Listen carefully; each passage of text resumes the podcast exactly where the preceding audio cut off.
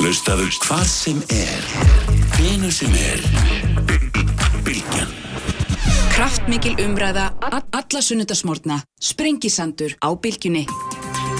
Sæli hlustunni góður, þá höldum við að stað hér sem leiðlikur á sprengisöndunum þennan sundarsmorgunin Smári McCarthy og Líni Ganna Sæfastóttir verða hér í lokt þáttar ræðan Loftbrúna. Uh, Þorlu Guðnarsson, sóttvarnalæknir verður hér líka uh, Sigur Hannesson, frangatistur í samtaka einhæðarins sem leiðis en þær eru sestar hjá mér uh, Áslögu Arna Sigurbjörnsdóttir Þorbjörg Sigurður Gunnarsdóttir og Helga Vala Helgadóttir. Áslögu þetta Dómsmálaráþara hinnar tvær þingkonur. Velkomnar allar Takk fyrir það. Við ætlum að ræða innflytjandamál, uh, svona út frá þessu máli sem að hefur verið mest í deglunni, þessu máli egypsku fjölskyldunar sem að vísa átt á landi en ennvist hérna ennþá eftir því sem allavega mér skilst og hérna í felum. Uh, þetta hefur farið, farið mjög fyrir brjóstið á mörgum og svo sem ekki fyrsta skipti sem að svipuð mál eru ofalega á baui og þarna og, og svona menn eru ósáttir við stjórnvöld hvaða máli, hvaða nafni sem þau nefnast. Þetta er ómannulegt og hérna og svo framvegis segja menn uh, en við skulum reyna að ræða þetta kannski aðeins líka víðar vegna þetta, í grunninn snýst þetta svolítið um hvort Ísland er opið að lokað og hversu opið og lokað það á að vera og það er svona það sem að kannski grunntótin er ef að hérna áslæðarna þú myndir vilja byrja aðeins á svona á þessum, þessum fletti af því að það er auðvitað í svona á bakveit allt saman er auðvitað einhver hugmynd um það að þeir sem búa einhvern tilteknum stað geti meina öðrum að koma Já, getur hakið þá í burtu ef, að, ef að þeim líst ekki á þá einhverjum, einhverja hluta vegna, ég meina það er, það er bara starrend máls, þetta, út af þetta gengur þetta. já, þetta er samspil margra kerfa og þetta er þetta viðkvæmi málflokkur því hann snýst einfallega um fólk. Já. Þá verður umræðan viðkvæmari og skilning svona tilfinningalegri oft tíðum uh, og við þetta reynum og erum alltaf að reyna að bæta kerfið okkar og gera það betra svo það gagnist þeim sem eru í mestu neyðinni sem við ætlum að hjálpa. Og við gerum það með ymsum hætti. Það eru þetta eitt er eh, að taka hér einn kvóta flótamenn á hverju ári sem við höfum verið að stækka við þann hóp árlega. Uh, og það eru 85 sem munu koma þessu ári og 100 á þennu næsta. Síðan er það þetta alþjóðlega vendakerfi sem oft uh, svona er meira í umræðunni af því að þar eru einstaklingar sem koma hingað sjálfur og sækja um alþjóðlega vend og uh, okkar stofnunir þurfa þá að meta það hvort að uh, þau fái alþjóðlega vend samkvæmt þeim skilmálum uh, sem við fylgjum eins og frá flótamannastofnun saminuð þjóðana um það að þú þurfst að flýja ómanúlegar eða lífshættulegar aðstæður. Já. og þetta kerfi er þetta búið að breytast og gjörbyltast á örfáum árum hér af því að það er ekki lengra síðan en 10-11 ár síðan það komu hér einungis 35 umsækjendur um alþjóðlega vend á ári og nú er þetta í kringum 1000 og við erum að fá með við eh, fjölda íbúa hér erum við að fá mjög marga og hérna eh, mest meðal Norðurlanda og svo framvegs en við viljum gera þetta vel og höfum verið að reyna að gera kerfið bæði mannúlegra og skilvirkara og það voru sett lög um þessi mál á grundvelli e, nefndar sem var þverrpólitísk e, síðan höfum við þetta verið að læra og sjá hvaða hópur er að koma hingað og það breytist svona ár frá ári hvernig getum við svara fólki fyrr? Af því að bæði er það betra að fólk fái svar fyrr ef það e, fær alþjóðlega vend hérna og getur hafið fyrr árangusríka aðlugun og fengið þetta öryggi. en líka þetta fengið svar fyrr ef e, svarið er neikvætt svo að þú lifir ekki þessar óvissu of lengi. En það er, það er sem sagt hérna, þetta er hérna snýst alltaf mikið um mann og líka menn tala mikið um mann og núna verðist það vera eins og, eins og það sé sko svona eh, hámark mannúðurinnar er að vera nógu snöggur að vísa fólki burtum ef það stendur til.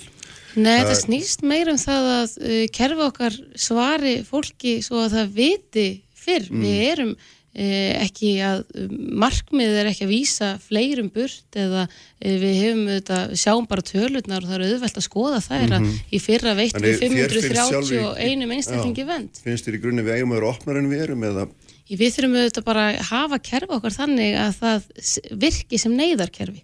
Og það virki best fyrir þá einstaklingar sem er í leit hér að vend og uh, hafa hvergi vend og er í uh, þessari neyð sem þetta kerfi á að uh, sinna. Og ég held að það, um það snýst hluturinn, þannig að ef það leita fleiri hinga sem þurfa á þeirri vend að halda og eru í þeirri neyð sem svona neyðarkerfi á haldum, þá fá hér fleiri vend og það sjáum við bara skýrlega á þessum þess tölum. Já, það sjáum við á þessum tölum en líka af því að við tókum sérstakar ákvarðanir út af COVID og veittum fleiri hér efnismeðferð vegna þeirra stöðu að það var ekki hægt að uh, fara hér á landibrótt. Þorbjörg, Hvernig horfur þetta við þér? Erum við opið að loka land? Sko, ég held að það nú kannski ekki að byrja, byrja öðruvís en að vísa í þetta mál mm. að því það er auðvitað þegar allt kemur til að speil ákveðin veruleika maður tekur, tekur eftir í að það er eða ég var ekkert að reyna að hugsa það hvað er það sem er svona sásökafyllt við málið og hvað er það sem að framkallar reyðina og það held ég að séu þetta staða þessara fjóra barna Já. og tíminn sem hafa verið þetta og það fyrst mér einhvern veginn koma niður á það að uh, pólitík stjórnvalda og síðan framkant stopnana þurfi einhvern veginn að vera með þeim hætti að fólk upplifa við sem réttu megin línunar um það sem má telja eðlilegt, sangjant, mannulegt, málefnalegt og getur valið svo sem orðið mm.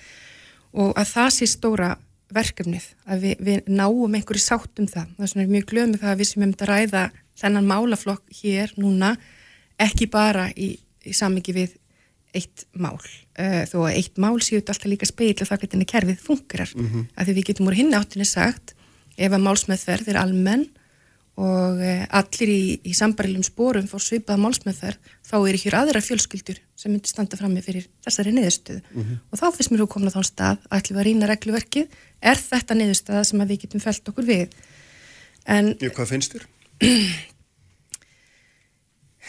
Ég held einhvern veginn, um, eins og ég segi, að, að, að hérna stóra málið í þessu, eins og ég upplifa, fréttaflutningi og það sem mann heyrir í kringum sig, er, er þetta með börnin. Mm -hmm. uh, og, og þá getur maður uh, litið á það þannig, við erum alltaf einhver viðmið um, um, um einhvern x mánaða fjölda, hvað svona mál megi taka langan mm -hmm. tíma þegar við erum komið bara upp að þeim sársökamörkum að við segjum bara stopp. Vi, við getum ekki tekið þátt í í þessari framkvæmt. Þetta máli eru þetta alveg á bríkinni. Mm -hmm. Þannig að hérna, en auðvitað verða, verða reglunar að vera almennar en, en mér finnst þetta líka aftur koma niður á þann stað að því ég les útlendingalögin eins og þetta líti út í dag mm -hmm. þá finnst mér í sjálfu sér svo lögjöf bara alveg ágætt en ég set stort spurningamerki við tólkunna og framkvæmdina mm -hmm. á mhm. henni og það finnst mér koma niður á þann stað að sko lögfræði um, er ekki raunvísindagrein. Það er alltaf sviðrum fyrir mat mm. og sjáum það líka bara því að kerfið er ekki alltaf sammála. Kærunemdin hefur stundum verið að senda mál tilbaka það sem er segja hér vandur upp á heldarmat, hér hefur ekki verið virtur andmælaréttur og svo framvís mm -hmm. og mhm. framvís. Þannig að þetta er dýnamist umhverfi. Um, þannig það er ekki þannig að þetta mál hefði innan kerfisins endilega þurft að fara svona. Um, það, veist, þetta er einhvern veginn alltaf einhvert sviðrum. Mm -hmm. um, og það er an, annar vingill í þessu um að byrja þetta saman sko, við aðra ánga réttarkerfisins þá er alltaf að tala um það sko, kerfið e, þarf að virka og það þarf líka lít út fyrir að virka það og málsmeðferðin hér er þetta aldrei svartól allir úrskurðir, nefndarinnar byrtast að mér verðist ekki á vefnum. E, samt eru við að byrta upplýsingar sko, í viðkvæmum fórsjálfmálum, við erum að byrta dóma í erfiðum sakamálum. Eh, hérna er stundum ekki verið að byrta úrskurðið með vísan í persónuvendarsjóna með mm. allt eru þetta hlutir til að fá sko, umræðina upp á yfirborði, þannig ég held að þú veist það má skoða löggjöfuna, það má skoða líka praxisinn, en ég held að stórt skrifis líka sé einhvern veginn að við náum að þroska þessum umræðu, því ég er alls sammálaði að flóttamannakerfið á að grýpa þá sem er í þeirri þörf, en þar hefði kannski vilja sjá ríkistjórnuna stíga það skref mm -hmm. að þau leggja fram flóttamanna frumvarp, en akkur eru þau ekki opna samhliða þá aðra leiðir. Mm -hmm. Aðra leiðir fyrir fólk sem er einfallega að sækja hinga til lands að því að vildi sækja sér e, betra, líf. betra lífs. Já. Íslensku vestu farnir, þeir fengi ekki dvala lefi í dag nei, nei. Um, og, og þetta þarf, ég, ég, ég sé ekkert þannig fyrir mér að mm -hmm. hérna sammála því en, en það þurfa að opna aðra leiðir mm -hmm. og ég hugsi yfir því hversu skarpt línan er dregin í þessu nýja útlendingafröðarbi. Já, já, Helga Vala. Já, uh, ég er nú sammála mörgu því sem hefur komið hérna fram mm. uh, það er svona tilneng hjá stjórnvöldum að tala um kerfið uh, og reyna að færa sjónarhóttni frá þeim börnum sem við erum að fjallum hér og ég skil alveg að við ætlum ekki að fjallum en það er enga síður þannig að einmitt við mat á lögum eins og Þorbjörg talaði um mm. að það þarf að horfa á einstakka mál og einstakar aðstæður og það sem ég sakna hjá íslensku stjórnvöldum er að þau horfi fyrst og fremst uh, í samræmi við það sem stendur í stjórnarskrá í samræmi við það sem stendur í barnasáttmála saminuð þjóðana, flóttamannasamningi saminuð þjóðana mannreitindarsáttmála Evrópu og barnalögum sem við erum öll með lögfest hér á landi mm. að, að það sé fyrst og fremst horta aðstæður barna þegar að mál eru skoðuð. Mm -hmm. uh, Áslög kom inn á kerfið og kerfið þurfa að virka. Uh, staðan er þessi að fjögur lítil börn komu til Íslands í byrjun ágúst 2018 og það, þau fjölskyldan, auðvitað ekki börnin, fjölskyldan fer í viðtal í lok mæ 2019 þetta, þetta, er, þetta er sko rúmlega heil meðganga sem líður mm -hmm. frá því að þau sækja hér um hæli og þángar til að þau fara í viðtal mm -hmm. hjá stjórnvöldum sem að spyrja hvers vegna eru þið komin? Og þetta er kerfi sem að ríkistjórnum ber ábyrð á. Þetta er kerfi sem að lætur fjölskyldu festa hér rætur.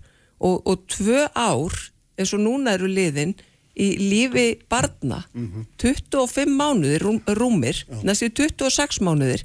Þetta er rosalega langur tími þegar barn er tveggjóra eða tíóra, eða áttóra Nei, nú veist ekki barn. Tveggjóra aldrei á 25 mánuðin veist, Nei, þetta er bara, þetta, þetta er bara staðan. Já, já, að, að þarna var nokkur að mánaða gammalt barn og svo börn sem, a, mm -hmm. sem eru eh, tíóra og, og, og 11 ára og svona.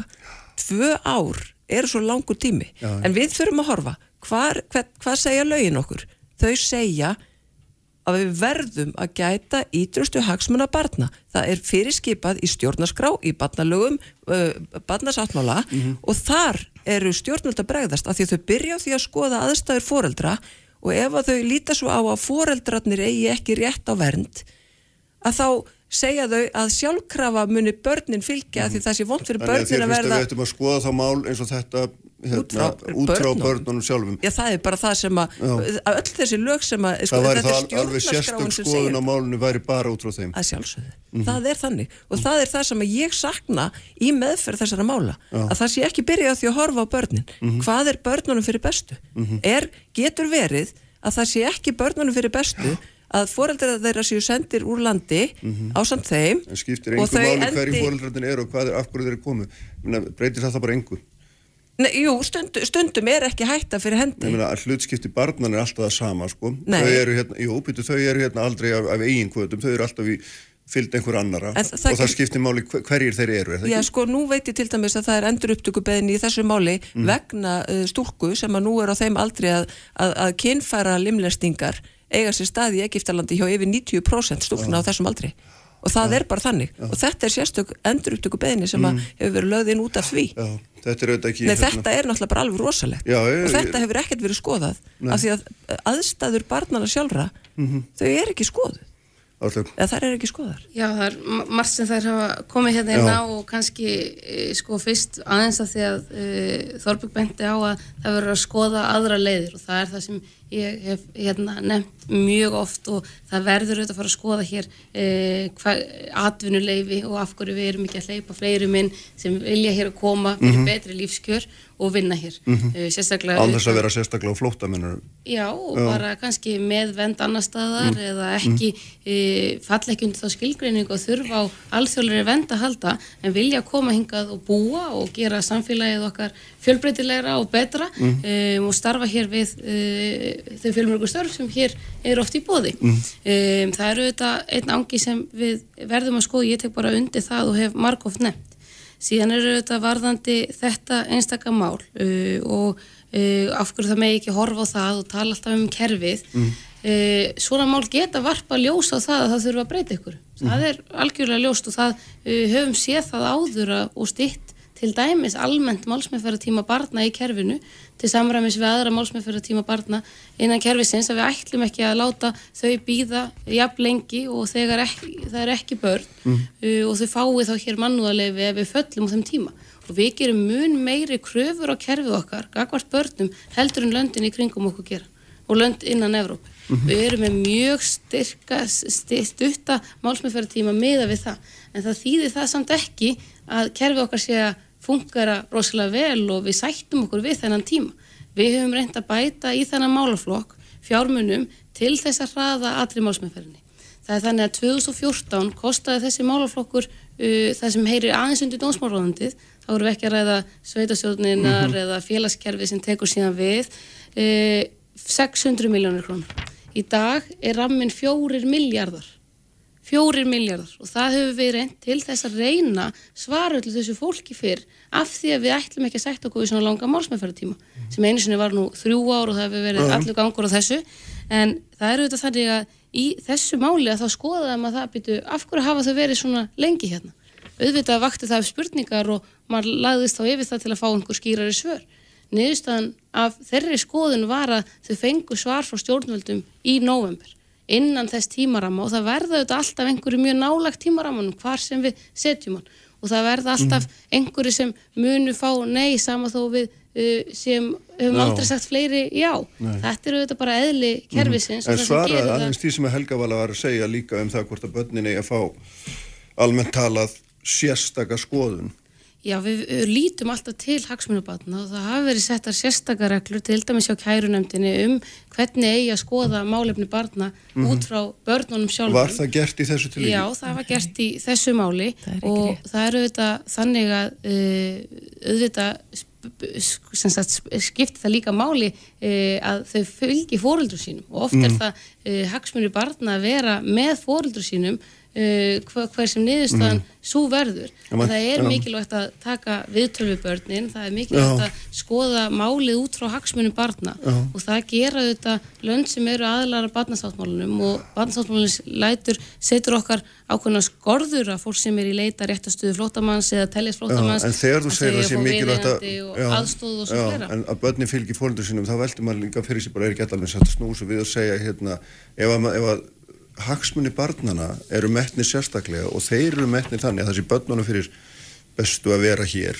segjum það. og er það frekar- niðurstaðan í þessu máli? Nei, ég veit það ekki. Nei, ég segi ef, ef, ef og hérna að þá, þá, þá, þá myndi maður halda að það hefði þá sjálfkræði for, för með sér að fóldrarnir geti verið hérna líka í staðin fyrir að líta á fóldrarnir og segja að það er hagsmunni barnan að fylgja þeim Meni, þú getur Já, farið tvær leiðir að þessu. Að sjálfsögðu og við erum auðvitað alltaf að skoða hva, hvernig við getum gert kerfið betra fyrir þau Mm. börn sem yngar leita. Og þá sérstaklega höfum við verið að leggja þessi mikla vinnu varandi fylgdalus börn og fylgdalus börn á flótta af því að þar hefur kannski kerfið okkar ekki verið eins og uh, við myndum kjósa, það eru oft, of ofta að dvelja í sagt, uh, úrræði útlendingastofnunar í staðin fyrir uh, hjá fjölskyldum eins og á að vera meginreglan uh, og þar er ímislegt sem uh, við þurfum að skoða betur og þess vegna erum við að vinna sérstakka skýslu uh, um þau börn til að emmitt af því að það er oft verið að byggja ríki að taka sérstaklega við fleiri fylgdalusum börnum en getum við gert það þegar við erum ekki einu svona að standa okkur nægilega vel varðandi þau fylgdalusum börn sem koma hinga sjálfkrafa? Mm. þetta er svona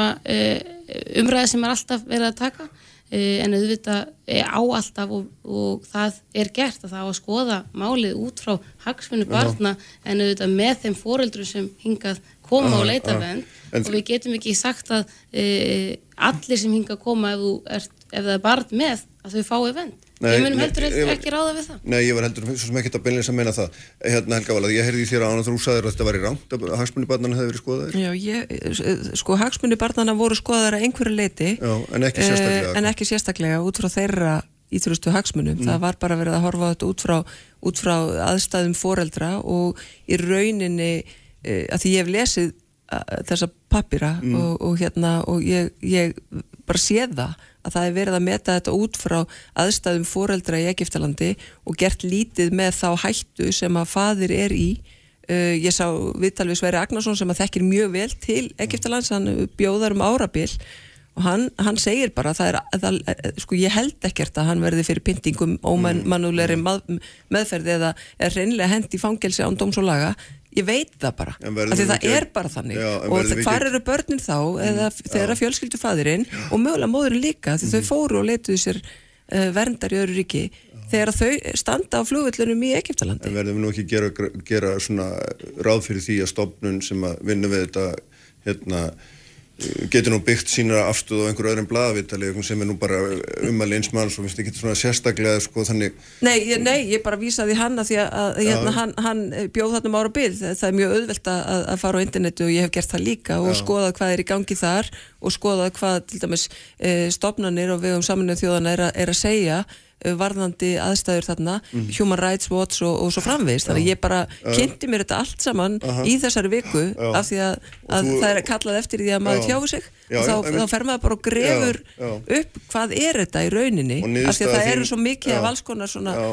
Sem er hent fram án, án raukstunings Niðurstaða þín er þá þessi tvenskur annars vegar. Fóreldrarnir hérna, mun ekki að gott líf og börnin hafa ekki, þeim hefur ekki verið veittur hérna, Já, já, og í rauninni svo réttur sem það eiga. Í rauninni kemur bara þessi setning sko uh, þar af leiðandi á þetta líka við um þetta bann og þar af leiðandi á þetta líka við um þetta bann og þetta já, bann, þú veist þannig að þetta er svolítið þetta svar sko. Við skulum hleypa Þorbjörg að Já, nei, við langarum aðeins til að nefnandi í samiki við orð áslöðurörnum að við viljum gera betur og hérna það held ég nú að hljóti ef maður ætlar að vera sangjart að vera markmið allra að svo sé. Og maður heyri það innan kervisins að það er náttúrulega búið að fá á sig mjög aukinn þungamála og er að standa ágætlega undir því. Þannig að e, það er hægt að taka undir það að því marki. Um, tölunar núna, hækandi tölur, það skýrast mjög af því að við erum að fá inn e, fólk frá Venezuela sem er kannski, þú myndir ranka flótamenn sko draumakandidatar, algjörlega óumdelt hvert ástandið þeir er, þetta er fólk með öll gögn og öll vegubrif þannig að þau komast hérna greiðlega inn og ég held að þau verði líka til þess að málsmeð fyrir að tíminn stittist af því þetta er ekki, þetta, það er ekki mikið flækjustíg í þessum málum. En sko í samiki við það að gera betur að þá hérna veit ég þannig að því ég hef heyrt áslugurinn segja þetta með að opna á aðrar leiðir fyrir fólk og hérna mist gott að heyra hús í þeirra skoðunar. En þá hefði mér fundist svo grá upplagt þegar að útlendingafröðumarpið er lagt fram af hálfu ríkistjórnarinnar að það hefði þá fyllt svona er okkar sín í þessum málaflokki. Svona ætlum við að taka móti flottamannum, ég er að vísu einleglega og hjartanlega og innilega ósamála því frumvarfi, minnst það mjög íhelsant og verði til þess að draga verulega á réttavend þeirra sem hinga sækja. En e, það hefði þá verið hægt e, að minnstakosti að fara þá leið. Og ég gerir því að það sé á málflokki e, félagsmálaráþara, hann er með vinnumarkasmálin en, en þannig við fáum þetta íhelsama útlendingafrumvarp en ekki hitt. Síðan er þetta kannski svona breyðulínutnar sko, þetta mistið að snúast annars vegar um það, hvernig viljum við sjá Ísland sem samfélag uh, og hvernig viljum við sjá Ísland bara í samfélagi þjóðana, af því þetta eru auðvitað vandi sem að blasir við heiminum öllum. Við sjáum þessar hryllilegu og tragísku myndir frá Greiklandi uh, og það eru þetta bara byrtingamind þess að þeir sitja uppi með mikinn fjölda fólks á meðan að önnur ríki eru svona aðeins að líta undan. Viljum við taka ekki þátt í því? Merkel við, bara nei, ég segi það, önnur ríki sumir að gera það, það speklar ákveðna pólitík og hérna þannig að mér finnst einhvern veginn svo ágætt að við bara fáum það samtal upp á yfirborðið. Er það bara línan að þegar við getum að þá ætlum við að, að koma fólki þangað. Það hafði mikil áhrif þegar lokað var á endursendingar til Ungverilands. Uh, ég geri, það, það myndi líka vera reyndin ef, ef við myndum til dæmis stíga það skrif að segja við getum ekki tekið þátt í því, vitandi hverjir aðstæðunar er á Gríklandi, að senda fólk þangað. Síðan verði ég að segja í samingi við barnavingilin að þá situr í mér að við erum með ráþera sem valdi sér þann titil sjálfur að kalla sér barnamálar ráþera og hans hluturkina ríkistjórnarnar hlýtur að vera annað heldur en annar ráþera í því samingi. Ef það er einhver maður sem ætti að vera með þau gleru á sér eh, hagsmunni barnana, þá er það hann. Eh, en ég síðan að minnst að kosti svara með þeim hætti í fjölmjölum að hann bara svona treysti niður stu, hann hafði nú ekki lesið málið og allt þetta.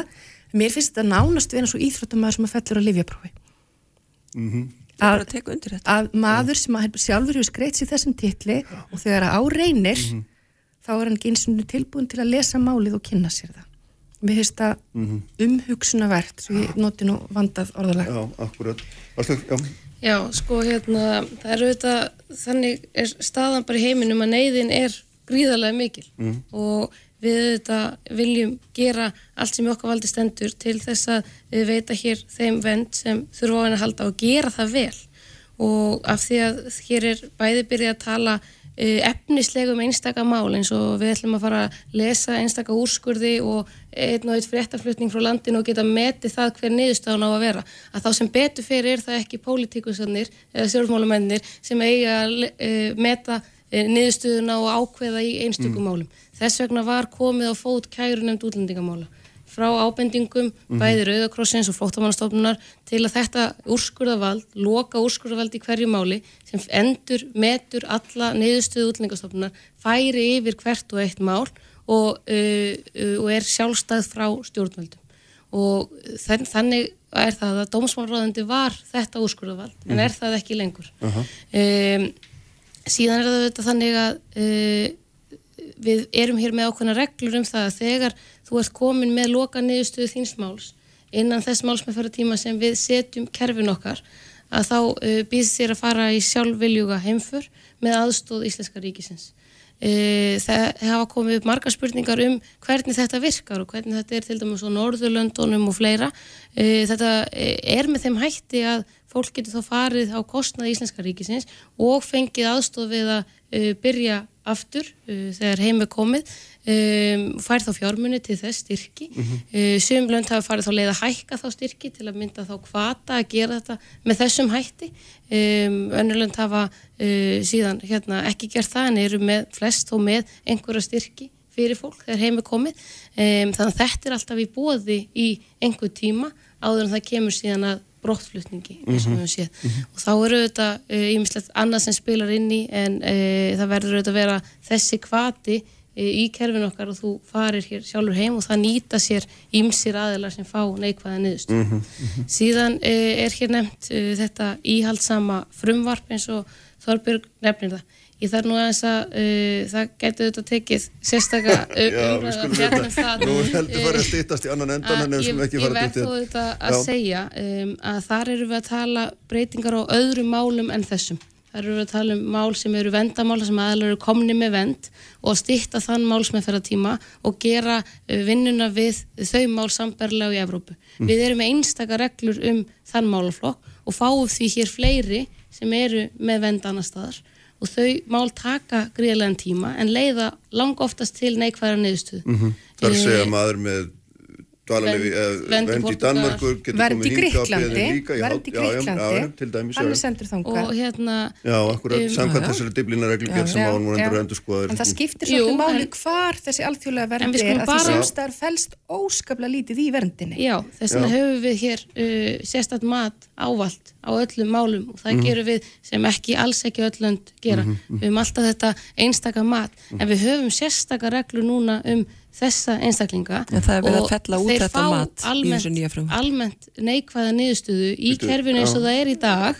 Spyrja, er það, er og, til þess, og til þess að reyna að gera kerfið og til dæmis svör í svona stórum efnismæðfæramálum eins og koma frá Egiptalandi mm. hraðari, þá verður við líka að flýta einhverjum öðrum málsmæðfærðum þá bændum við sjónum okkar að þeim málum Já. sem almennt fá neikvæða niðurstöðu Já. en ættum frekar kannski að skoða er þessir einstaklingar ekki að leita betri lífskjörum ættu þeir ekki að geta komið hér inn á öðrum grunni að leita betri aðri, lífskjörum en leggir þá fram frumvartum það önnur lönd í Evrópu hafa ekki svona sérstatt mat og 85% af þeim sem komu hingað í sumar eru til dæmis þeir sem hafa vend annar staðar í mm. Evrópu Þú segir að þetta er mat eða fellum gildi? Já, já, það já, er í þessu frumarpi að það eigi bara eh, ekki að skoða, það er verið að ekki að í ríkja og senda fólk tilbaka. Það er verið að skerða rétt þeirra sem hafa fengið svokallaða vernd mm -hmm. í, í ríkjum eins og til dæmis að búa á göttin í Greiklandi eða, eða búa, búa í, í, í flótamannabúðum í Greiklandi. Þetta er auðvitað engin vend. Ég verði að fá bregðast við því sem að Áslögu Arna sagði. Þetta er bara rátt Þetta er bara rátt hjá helgumölu Ég verð að fá að leiðrika þegar umræðan verður svona raung af því að það gagnast ekki neinum þegar umræðan er raung Flók, Jó, við sendum ekki tilbaka í flóttamannabúðir í Greiklandi við sendum ekki fólk tilbaka á grundvelli diplinræklugerðarinnar þegar fólk hefur einungi sótt um vend í Greiklandi og ekki fengið hana. Ég vildi bara leiðið þetta. En það er mjög mikilvægt og mikilvægt í þessum máli í útarbyrra margitaliðinu það verður bara hliður og það skilst ekki neitt. Já, áslögu búin að hafna þessum með Greikland já, já, ég er ekkert að fara að tala um það. Ég er bara að fara að tala um, um ábyrð fjölskyldu að fara sjálfviljug. Eh, við skulum alveg hafa það á hreinu og þau eru búin að tala bæðum að vegabrif hafi verið, verið uh, útrunnið og, mm. og, og, og fjölskyttan hafi ekki farið sjálfviljug. Uh, síðasta niðurstaða hjá stjórnvaldi var í mæ síðasliðin þá voru þetta löngu liðin 16 mánuða frestur og umbóðsmaður alþingis hefur sagt að þetta allt saman sé meðferðartími hjá stjórnvaldi mm. ekki bara þröngi rammin sem að varða kærnend útlendingamála hitt er, mm. vegabrefin voru allan tíman hjá stjórnvöldum eins og alltaf verið í þessum málum ef að, ef að útlendingastöfnun eða útlendinga yfirvöldum var einhver uh, uh, eða var einhver viljið þar til að skoða aðstæður þá hefðu þau geta séð mm. en ekki fjölskyldan að vegabrefin voru að renna út ég man ekki hvena mitt vegabrif rennur út og ég er ekki viss um að þið muni það hér hvenar ykkar vegabrif rennur út. Og að gera það fjölskyldu sem ekki hefur vegabrifi sitt e, í höndum það að bera ábyrða því að vegabrif rennur út þegar að það er í höndum stjórnvalda það er alveg fráleittur málflutningur. Það er hérna stutt um þetta sko áfram að því að hérna, Já, sko aðeins varandi þetta frumvarp að þá hef ég nú skilið umsagnir frá rauða, rauða krossunum og svona helstu fagalum sem að gefa umsagnum þetta einmitt, það, það, það eru ágjörnar sem við erum að flagga. Að það skipti í sjálfu sér ekki máli hvar verndin er fengin sama við hvað aðstæður það séu. Með því að þú hafa fengið alþjóðlega vend sama hvar hún er, þá teljist þú ekki í hópi þeirra sem séu í raunverulegu þörfinni. Ég er alveg sammála því að það er að flokka að það er að taka þá sem er í mestur þörfinni. En við getum ekki verið blind fyrir því að aðstæður eru ólíkar í þeim löndum þar sem þessi vend er veitt. En varðandi diplina þá er en þetta nú er alltaf stór að tíð segja við séum það alls ekki. Það sé, við sendum ekki fólk til Gríklands sem hefur fengið alþjóðlega vend þar. Ekki Við sendum fólk til vernd og ekki fengið hana. Nei, en fólk sem hefur fengið hann í Gríklandi það er sendt til Gríklands, Já, já. er það ekki rétt? Það að það snýst um það. Og við erum bara að segja það fælst óskaplega lítið á bakvið þann merki með það. Það þarf ekki annan að horfa á fréttirnar frá Gríklandi til að segja það að mér finnst pólitíst stolti erfitt að standa í lappirnar með það þegar við, við vitum hver veruleikin er í Gríklandi að segja, er þú ert nú ekki raunveruleg þörf? Gríkirnir ætla að græja þig. Um, en síðan finnst mér þetta kannski líka að vera stór pólitísk tíðindi um það sem er að gerast á, á vettvangi Evrópu, það sem menn er að segja um diblinar reglugerðina og það er þessi hugsunum um að þetta er vandi sem við stöndum öll frammi fyrir og, og við viljum öll gera betur en þá hljóti líka þetta eigi að skiptast. Og ég hef þessin áhuga að heyra það og vita það mun þetta leiða til stefnubreitingar til dæmis af hálfu, hálfu ríkistjórnarinnar Ástu, við skulum bara hérna Já, það, það. það litla sem maður byður um í umræðu um þessi mál er að það er haldið rétt á staðrendum og umræðan geti verið málefnileg af því að ég held að einna mest hvað íti undir útlendinganduð eins og við höfum séð á Norðurlöndunum er þegar þessi umræða verður svartkvít og við getum ekki rætt málefnilega um þessi mál. Og mér finnst bæði hérna, kerfi eiga það skilið að við getum sest niður og rætt málinn, hvernig getum við gert betur, hvað, eh, hver staðan er núna og hverjar eru áskoranir framöndan og áskoranir eru miklar, það er hérna fólk sem kemur hingað og er að leita eftir alþjóðlega vend e, það á rétt á því að fá e, jafnbræði fyrir sínum málum það málinn séu gagsæð, þau viti að hverju þau ganga e, að það séu mannúlega leist úr þeirra málum og svarið dragist ekki óþarflega á langin Ég bara innilega tekið undir þetta. Algjörlega. Hérna síðan eru þetta miklar breytingar eins og Þorbjörg, Þorbjörg vísar í varðandi það að uh, ef það er að koma mikil stefnubreiting innan á Evrópu sem ekki hefur verið boðin, borin undir ríkin uh, hvert á að fara og annað slíkt. Við erum auðvitað bara og verðum alltaf skuldbundin því að bæði starfa með þessum löndum. Við erum að reyna að gera kerfið okkar svipað og önnur lönd svo að við skerum okkur ekki sérstaklega út, heldur veitum vel þeim venn sem hinga að leita og gerum það vel. Og það skiptir líka máli að þetta er ekki bara tölur og blaði, heldur að við gerum það vel og fólk hérna, líði vel í því samfélagi sem við síðan bjóðum upp á, að það séu fleiri sveitafélög sem eru tilbúin að taka á móti fólki til dæmis og félagslega kerfið okkar sé tilbúið undir það. Og þetta eru bara afar stórar áskoranir mm. málaflokkur sem við munum ekki líklega að fá meiri fjármunni í á næstu árum heldur þurfum við að nýta það betur til að gagnast fólki sem best sem hinga leitar. Þá væri Hvað- til dæmis að lefa fólki að vinna Já, og með það já, býður. að. Það myndi spara kerfinu Já. umtalsverða En fjármunni. hvað býða margir eftir því að þeim eru fyllt úr landi núna? Það er einhverju týr, ég er ekki með þá tölu. Það er einhverju tugir sem býða eftir því að vera vísa á landinu. Já, ég myndi að ætla það, það er alltaf hafa verið síðustu uh, mánuðum 500 til 600 manns í þjónustu Íslandaka ríkisins hverju mánuði að býða eftir niðurstuð stjórnvalda. Um, það hafa uh, fengið hér á þessu ári þessum að vera ári 411 alþjóðlega vend um, og það eru þetta líka ymsir sem fengu sérstaklega alþjóðlega vend vegna COVID. Um, síðan eru, við, uh, eru einhverju sem hafa fengið neikvæða niðurstöðu og hafa ekki ennþá hafa ekki valið það að fara sjálfviljur heim og Þannig að það eru einhver, einhver, einhver staðar út í bæ, hérna eru fjölskyldur sem býða eftir því að þarna, einhver banki upp á Já, þess stemma vegna morgun svo hérna segi that's it. Já, og þau hafa fengið þá þá niðurstöðu Mm. fyrir einhverju síðan Mhm. að uh, þau fá ekki hér alþjóðlega vend og þess vegna auðvitað eiga eiga á þetta fólk skilið að það sé jafnræði fyrir því þú alla sagðir sérstaklega við ætlum ekki að tala um mál sem fari í fjölmjöla það var ekki, get ekki verið grunnur þess að við rættum mál en það er, það er þá vendarlega fjöldi fólk sem kemst ekki í fjölmjöla sem að, hérna, er í nákvæmlega sömu stöð eða Já, hvað? og þess vegna er svo Og vegna mikilvægt þau væntalega afgriðt eins. Já, já, já. Já, ef þetta eru svipu mál, mál auðvitað eru svo einstök og það er á mismunum grundvelli hvernig fólk fær Já, já. niðurstöðu sína mála, hvaðan þau eru að koma og svo framvegis, en það er uh, fólk á það skilið, bæði það fólk sem er hér ennþá eða er nýfarið uh, að málinn sé á jafnræðisgrundvelli uh, og málsmeðferðin sé gegnsæ og hvernig kerfið okkar virkar, en fólk á það líka skilið sem er uh, ekki komið hingað og ætlar að leggja leið sína grundvelli einhverja uh, frétta um það hvernig mál gætu orði hérna. Það á líka það skilið að vita að kerfið okkar er uh, með einhverjum hætti, að það séu jafnbræði og gagsægi í þessum málum. Uh, við erum alltaf að gera betur, en þarna, þetta er bara staðan og, og verður það þegar við erum að reyna uh, forgámsraða þeirri miklu neyð sem er í heiminum. Ein mínúta. Við höfum eina, eina lagalega útfærslu og möguleika uh, fyrir þessar fjölskyldur sem er að býða og fá ekki hér vernd og það er að veita þeim mannúð á dvalarlefi.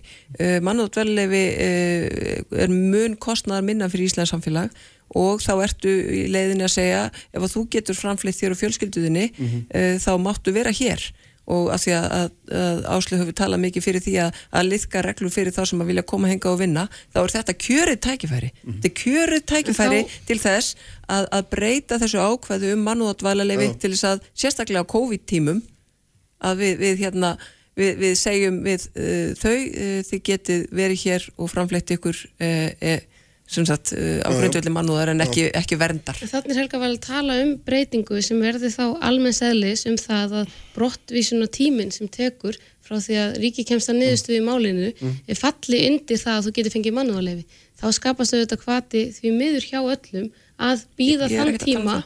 e, til þess að fá hér Kannski, nú erum við komin aðeins út í svona óflóknar hluti. Já, en fólk þarf að svara því hverju þú ert Já. að leggja til Já. að breyta þegar Já. fólk segir ráð þegar hann getur breytt. Þegar hann getur breytt reglugjörn. Ég sagði getur- en sagði kemur getur ekki með ég mætti- um það hver svo breyting á að vera ef hún á að vera alveg. Já. En því að þegar tekur ekki ákvarðinu um að að. Ég er alveg sammála því sem Áslögu Arna er að segja að það er engum til góða að umræðan sé svartkvít. Ísland er að taka móti fleirum uh, og það er margt sem er ágætlega gert. Uh, ég trúi því hins vegar einlega að það sé hægt að gera betur og það sé hægt að gera meira. Og uh, eins og ég sagði áðan að þá held ég að núgildandi útlendingalögjöf er bara alveg ágætt. Uh, Túlkunin finnst mér að hins vegar kannski ekki vera það. Ég hef mjög miklar ágjur á útlendingafrumvarpinu og ég er þið heiminsæl ef það geti orðið nást samstæðum það maður draga það einfallega tilbaka. Og síðan eru þessi að því að það, flóttamannahugtaki, það er fegurð í því. Það er fallegur báðskapi þar á baki og hugmyndafræði. Það á að þýð eitthvað. Um, en ég myndi þá vilja að ríkistjórnum fylgdi eftir þessu tali sínu um að gera fólki kleift að koma hinga með öðrum hætti og mér finnst það hafa vantað að þeirra hálfu því að so far er pólitíski vilji ríkistjórnuna sá sem við sjáum í nýju útlendingafrömmarfi. Já, myndi gott, heyrðum, takk fyrir þetta. Takk Allar fyrir. Þrjár, Takk fyrir, gaman að fá ykkur og gott og hérna. Lífið Uh, Sigur Hannesson, frangandistöri samtaka innaðins verður hérna eftir augnablík. Sprengisandur á bylgjunni alla sunnundasmórna. Sprengisandur alla sunnudaga á bylgjunni. Já, sæli hlustendur, höldum áfram hérna á sprengisendurum, þær eru farnar frá mér. Helga Vala, um, Þorbjörg Sigurður og Áslögu Arna eftir líflegar umræður um, um hérna svona innflytundamál, útlingamál og allt það, uh, hérna en sestur í hjá mig Sigurður Hannesson sem er frangandistöri samtaka einaðarins, sæli blessaður og velkomin Takk fyrir. Sko, þú ert hérna uh, að koma af, af innþingi ykkar sem var á föstudaginn og hérna við ræðum það eitthvað aðeins en, og, og svona í tengslum við það þetta beint en hérna, sko það sem ég ást áhugavert þú sagðir í viðtali við kjarnan um daginn að, að hérna, og varst alveg skýr um það að að ferða þjónustafa árum eftir hrun fengið of mikla aðtekli stjórnvöld og nú er ég bara að vitna beint í þetta. Á sama tíma og önnur vakstartækifæri hafi færi forgörðum og þetta er náttúrulega ekki ósvipaði tótna var á innþinginu í sjálfu sér. Menn hafi ekki hugsað nógu mikið tæki, eða hugað nógu vel að þessum tækifæri sem þið viljið sjá en, en einblínt allt og mikið á ferðarþjónustu ekki hvað ferðarþjónustu sjálf myndi segja með þetta en ég menna skýrða þess þessi orðin af hverju finnst þér þetta? Einmitt.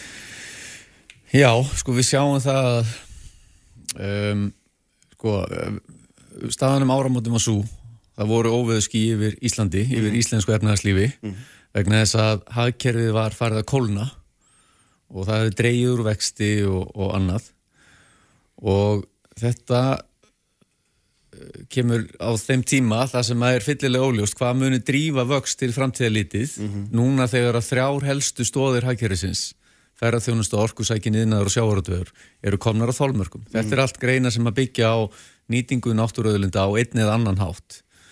Um, síðan alltaf kemur koronaveiran og með sínum búsifum á heimsbúskapin og Íslandi er þar engin undantekning. Uh, og þá er staðan svo að það hryktir í tveimur af þessum þremur stóðum, ferðarþjónustunni og það er auðvitað bara alþjóðlega áhrif. Hún vonandi nær sér á strik aftur með tímanum en það tek, fer auðvitað eftir því hvernig uh, veiran þróast. Og síðan er það orkusækin innar það sem eru sannarlega blikur á lofti.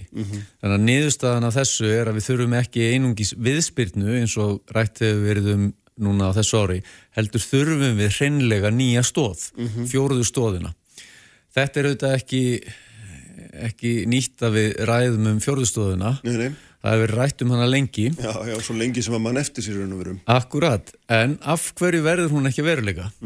Og svarið er mjög einfalt, það er vegna þess að við erum alltaf svo upptekin við búningina, að sinna búningjónum þegar þeir koma. Mm Hvort sem það var fjármálaþjónustun á fyrsta áratugaldarinnar og áformum það að gera Íslanda fjármálamiðstöð eða ferðarþjónustun á öðrum áratugaldarinnar. Þannig að það gekk svo vel að við höfðum ekki tíma fyrir framtíðina. Jaha. og við sjáum það núna í aðgerum stjórnvalda. Aðgeri stjórnvalda í tengslum við COVID auðvitað, eru margt mjög góðar og það verður að taka það með reikningin að það eru, eru ákvarðanir teknar svona, mjög hratt. Já, en uh, það er miðað miklu leiti að því að, að bjarga ferðarþjónustunni og við sjáum til dæmis eina byrtingamyndunum þar er uh, greiðslur vegna launa í, á uppsagnarfresti sem að kosta ríkisjóðum 8 miljardar það sem að vera fjárfesta í fortíðinni.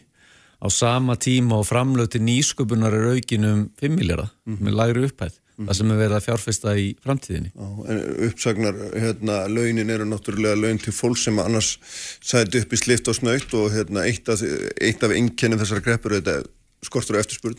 Þannig að það er má, með, með nokkru rétti segja að með því að borga fólki launin þá minnstu fústi heldur upp eftirspurnin gangandi samfélagina með að hún gerir það. Svo sannarlega, en við höfum líka bent á að það eru fleiri, það er hægt að gera fleira til þess að örfa eftirspurnina.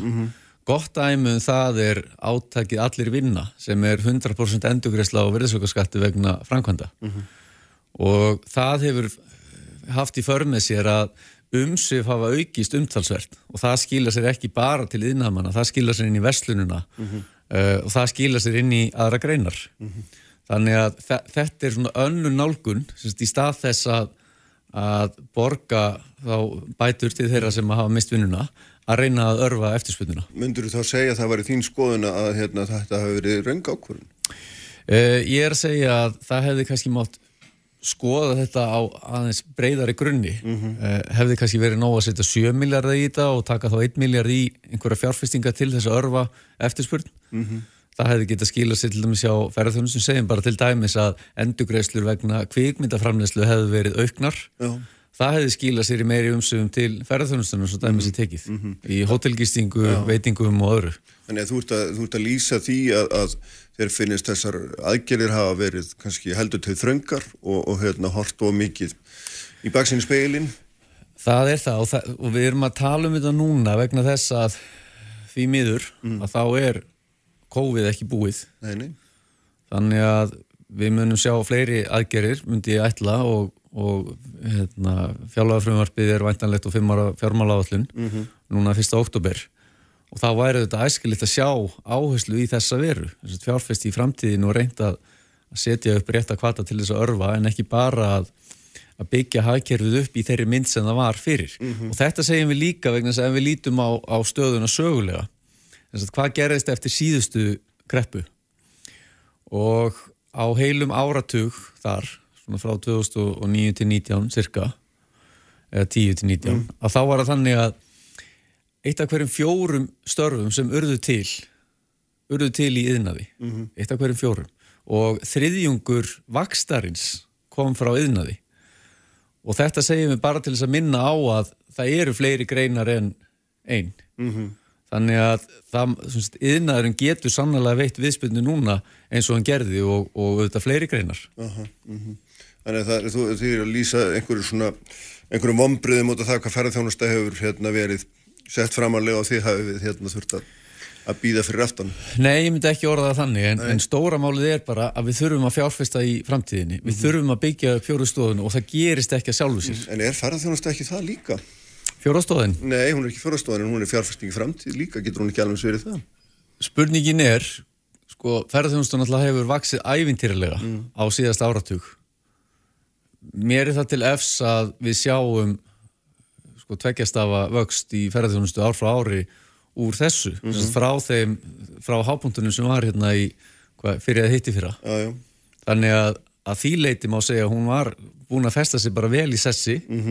En við vorum kannski ekki að fara að sjá einhvern rosalega vöxt þar, ekki frekar en við að eigum vona miklum vexti í sjáurudegi eða orkusæknum yðnaði og þess vegna tölum við það að við þurfum Já. nýja stóð Og hvað, hvað, hérna, hvað þýðir þetta? Að nú er, nú er þannig að, að sko maður hefur hérna, séð ódal skýslur, hlustað ódal fundi þar sem hefur verið búið að vefja svona einhverjum hugmyndum inn í falleg orð og allt þetta og þú talar um að fjárfesta til framtíðar sem ég myndi segja að vera svona einn af þessum orðaleppum en hvað þýðir þetta í raun og veru? Hvað þýðir þetta í raun og veru? Því maður er er svona, ég langaður eftir því öllum svona skýsluflóði að einhver komi með svolítið meira konkrétt tala um þetta sko. Já, sko hlutverk stjórnvalda í þessu er tvíþætt. Það er annars vegar það að skapa almennt góð skilirði og þá erum við að við, það, við köllum það atvinnustefnu. Það sem að eru umbætur, það sem að uh, samkeppnisæfnir aukin. Við sjáum að það, það er gert á fjórum sviðum, það er í mentamálunum. Veikleikarnir þar eru að það eru ofáið sem að fara í yðnám sem betur fyrir að sjá aukningu þar og það eru ofáið sem útskrifast úr tæknigreinum í, á háskólastíu og það til dæmis dregur okkur niður þegar kemur að nýsköpun alþjóðlega. Við þurfum að byggja innviðina þannig að þeir séu traustir og stuðli að verðmætasköpun og það gagnast öllum greinum. Við þurfum að gera umhverju nýsköpunar eins og best verður á kosið því að samkeppnin þar er gríðarlega mikil að milli landa og gjaldtöku þarf að stilla í hóf, starfsumhverju þarf að vera hagkvæmt og regluverkið einfalt. Eh, Þannig að þetta er annar hluturinn, þessar umbætur. Hitt er að sækja tækifærin. Uh, við þekkjum það til dæmis á sjöndu áratugnum á, á síðustu öld þegar að tækifærin voru sótt og ný stóð var byggð upp. Fram að því hafði verið ein stóð í hagkerfinu sjávarútugur en með markvissum hætti var ákveðið að byggja upp aðra stóð sem er orkusækin yðnaður og það var, gerðist ekki í tómarúmi heldur var meðutuð ákvörðun. Um, við sjáum ímis dæmi og ég hef tekið dæmi til dæmis um sko, gagnaversiðnað. Að fyrir fimm árum síðan þá hafði Ísland náttúrulegt forskot þar vegna þess að gagnaversiðnaður er orkusækin yðnaður og orkan er að mestuleiti notuð til kælingar. En við búum við þannig veðurfar að það, þarf, það er mjög hagkvæmt hvað þetta varðar. Þess að það er kaldara og, og þar að leiðandi þar minni orku í, í kælinguna. En að því að við hikuðum að þá töpuðum við. Og önnuríki, Noregur, Svíþjóð, Danmörk þar fóru stjórnvöld bara markvist í það að sækja þessi tækifæri. Gera nöðsynlegar umbætur á lagaumhverfi og öðru þannig að þetta hefur skilað mikill uppbyggingu þar. Og við sjáum til dæmis nýleg frétt bara í síðustu að þar síðustu viku frá Danmörku það sem að alltjóðlegi tæknir í sin Google er að setja upp starfsemi á þessu sviði um, Það er að stjórnvöld þar í landi hafa greitt götu fyrirtækisins vegna þess að utanríkis á þeirra sem þá ber ábyrð á erlendri fjárfestingu og svona viðskiptum, hann fagnar þessu í, í hérna, fréttið tilkynningu. Umsöðun á byggingatímanum eru 740 miljón eurur. Það eru yfir 100 miljardar og tekju sem skila sér inn í danst hagkerf og hverju einasta ári, fyrstu fimm árin, eru 80 miljón eurur eða meirinn 10 miljardar. Þannig að þetta er engar smá fjárhæðir sem umræðir. Þannig að það er sannarlega eftir miklu að slæjast en stjórnvöldu þetta þurfa að vísa veginn þarna. Já, hérna, við skulum hérna gera eitt augnablík hlje og fá aðeins hérna ölsingar og svo skulum við halda áfram með þetta. Sprengisandur á bylgjunni Uppspretta frétta á Sprengisandi á bylgjunni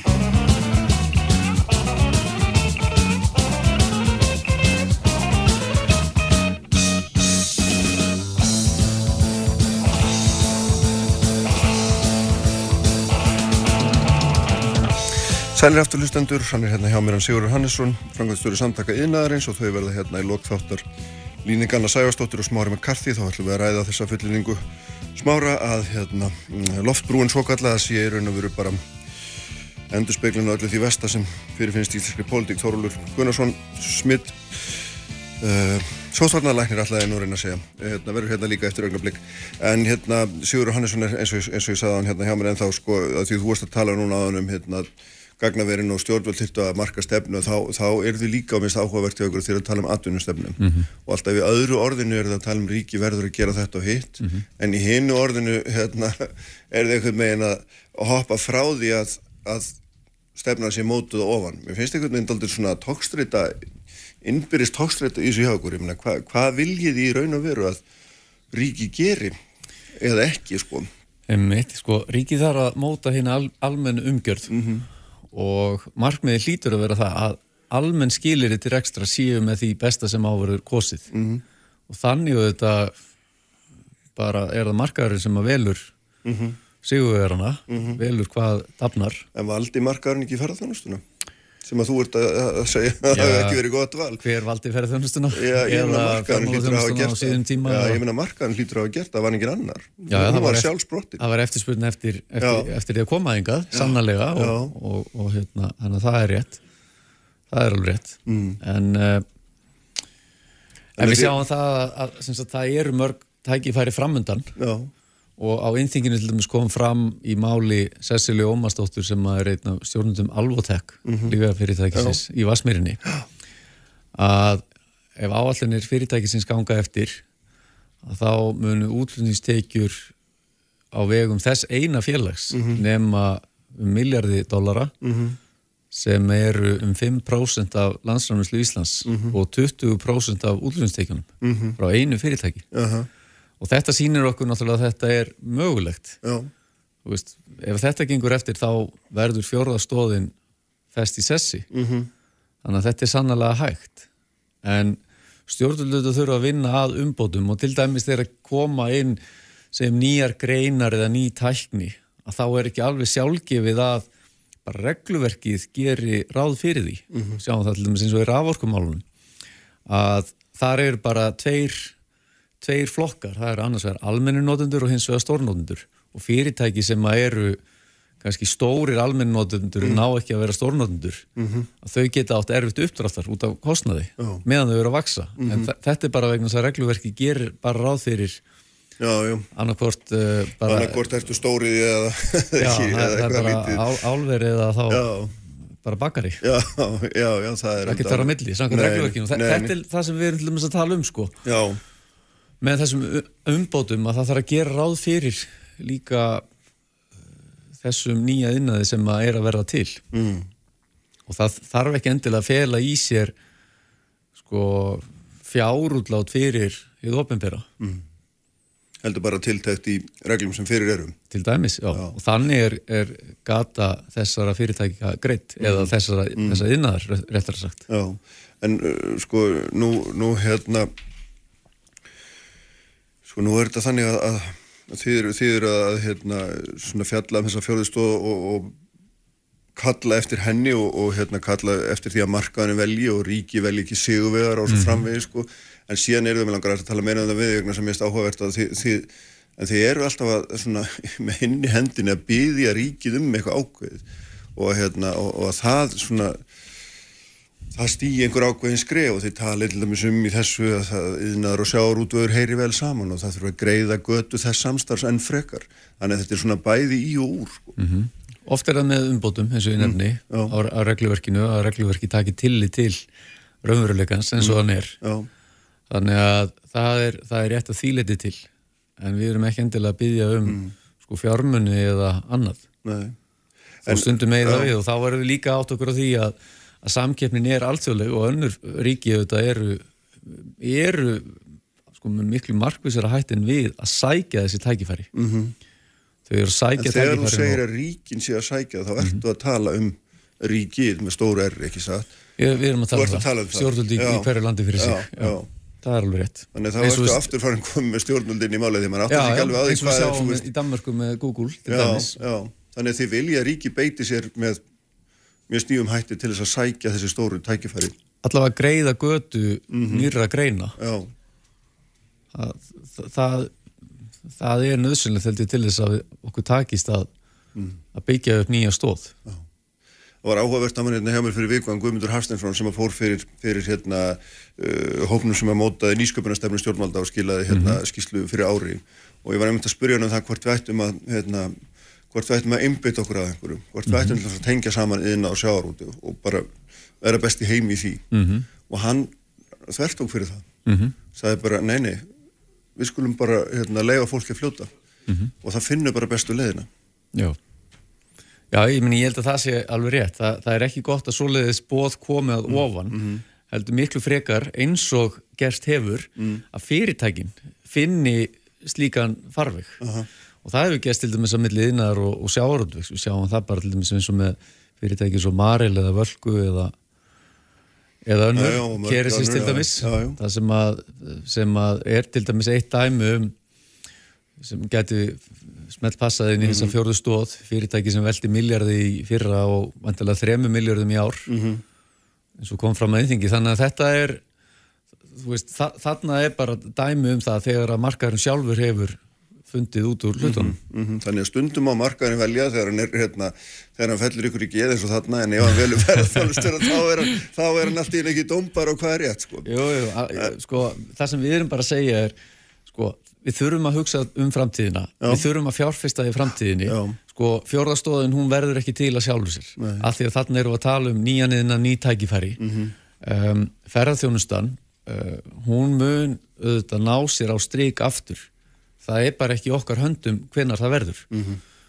Þórólur getur kannski sagt okkur að því hérna á eftir hvenar, Já, hvenar það gerist en, en, en sko en það mun gerast en þar verður ekki sá svakalegi vöxtur eins og við höfum séð á síðasta áratug. Nei, þegar að greinin fór úr því að vera lítið Já. sem ekkert yfir það að vera mjög fyrirferðamikil í hagkerfinu sem var mjög gott. En inn í því hafi fólki falist sigur hérna, gríðaleg nýsköpun reyndar ekki tæknileg en jú, sjálfsagt að marki líka tæknileg en gríðaleg nýsköpun í, hérna, í fjónustum sem er líka, er það ekki?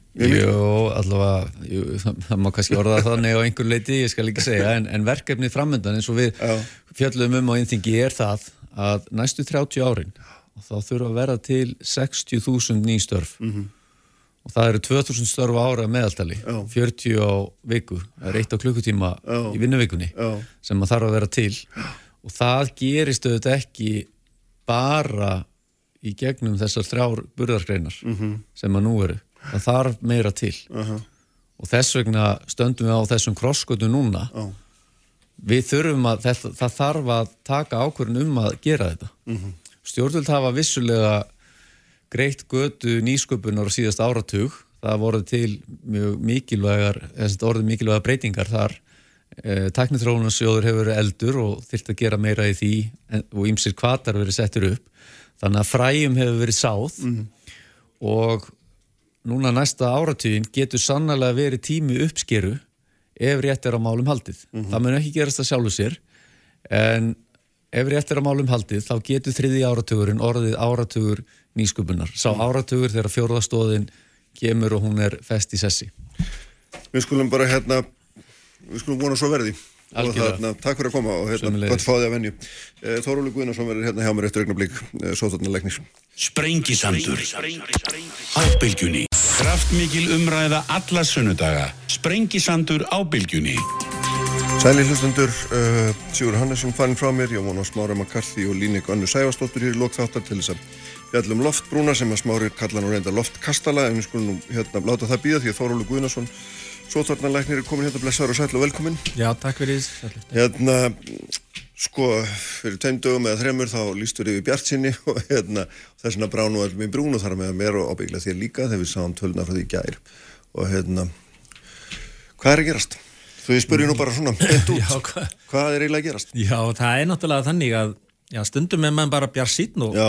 og maður fær tölur og reyn, maður reynir að byggja svona sína bjarsíni og svarsíni á tölum og staðrendum en svo spilaði einhverja tilfinningar inni líka og maður sér einhverja tölur sem segir nú er þetta bara ganga nokkuð vel og nú, að það, þá gerist yfirleitt eitthvað og, og hérna þá uh, verður maður aftur svarsít þannig að kannski er bara betra að vera alltaf svarsít og vera þá bjassít inn á milli. Já, hafa vaði fyrir neða sig með því að vera alltaf svartíðin og vera svo bara gladur að það gengur betur. Já, en hérna, en þetta var engin svona, að því að, jú, ok, kannski var það 20 og svo hefði það farið í 30, ég held að enginn hefði svona farið á að hjörunum að því, en allt í hennu var þetta orðið 75, sem er svo mikil aukning og ég held að flestum eða öllum hafa nú bröðið í brún við að heyra þá tölu, þetta eru tölu sem við heyrðum kannski helst þegar þetta var gegn sem mest á hérna á vormánuðum. Mm. Hva, hvað sko, lærdum ég- bröðum að þetta, þessu? þetta er þannig reyndar eru, sko þetta er, ég, svo sem marg oft sagt það núna að eins og þetta hefur verið að ganga núna undanfarnar vikur þá hefur þetta verið allt öðruvísi heldur en þetta var í, í, í vetur. Mm. og, og ég byggi það á því að við erum, höfum verið að með þessa eh, eiginlega einu, eina stopna veirun í gangi sem við höfum ekki, tek, okkur ekki tekist að rekja nákvæmlega hvernig komst inn í landið en hann er að svona stinga upp kollinu hér og þar og það bara segir okkur það að það er mjög erfitt að uppræta þann stofn og hann, þess vegna er alltaf þessi möguleiki að það geta komið upp svona stærri hópsíkingar út frá einhverjum viðburðum uh, þar sem að fólk er að sapnast saman. Þannig gerist þetta bara og, og hérna, og þannig að uh, það var svo sem viðbúið og ég hef sagt að marg ofta að við megum búast við að sjá svona hópsíkingar af og til og, og það gerðist núna, ég vil kalla þetta hópsíkingu, aðri kalla þetta bylgju og minnst það ekki skipta höfumáli en svo líka eh, sko, kemur það í ljósa að það er einn annar stopn sem að er að stinga allt inn upp kollinu hérna í tengslu við þessu öldurhús hér í Reykjavík. Og þetta, það, það er nokkuð veginn vita hvernig sástopp komst inn í landi en það sýnir bara hvað þessi e, veira er læfis og lipur. Hún, hún bara læðist um og svo allt í einu síkjunum fólk og ef fólk passa sig í einhverjum ákveðinu stöðum, ákveðnum aðstæðum þá geta allt í einu fjöldi mann síkst Já, það er náttúrulega svona auðvitað eh, alveg augljóst mála allir sem á einhvern tíman komið á öldurhús vita hvernig stemningin er þar og þar er fólk með stendur fólk og, og sittur með þétt og, hérna, og er ekki alveg í ástandi til þess að, að sinna sóttvörnum á einhverju kapi held ég. Þannig að, að svona hinn rökrétta afleiðinga því er auðvitað bara eins og maður sé harkalugur auðvitað bara skellila og sem það er einu leiðinu það ekki?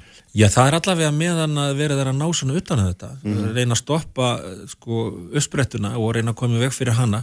Og ég held að það, það er akkurat það sem við erum að reyna að gera. Við, og, og, og það er þessi rakning sem er einstök held ég, það er, hún er ekki framkvæmd á öðrum stöðum, öðrum löndum eins mikið eins og hér. Þannig að það sem við getum gert með þessum gríðarlega öfluri rakninga, við getum rakið saman leiðir fólks raun og séður raun og veru hvaðan er, hvaðan er veiran að koma, hvaðan er uppsprettan. Auðvitað finnum við það ekki nákvæmlega hvar hún er eða, og í mörgum tilfellum er það ekki alveg augljóst en þannig getum við reynda svona að vera með markvísar aðgerðir mm. í kringum þessa uppsprettu frekar heldur en að fara út í það að loka öllu, setja allt í lás og slá.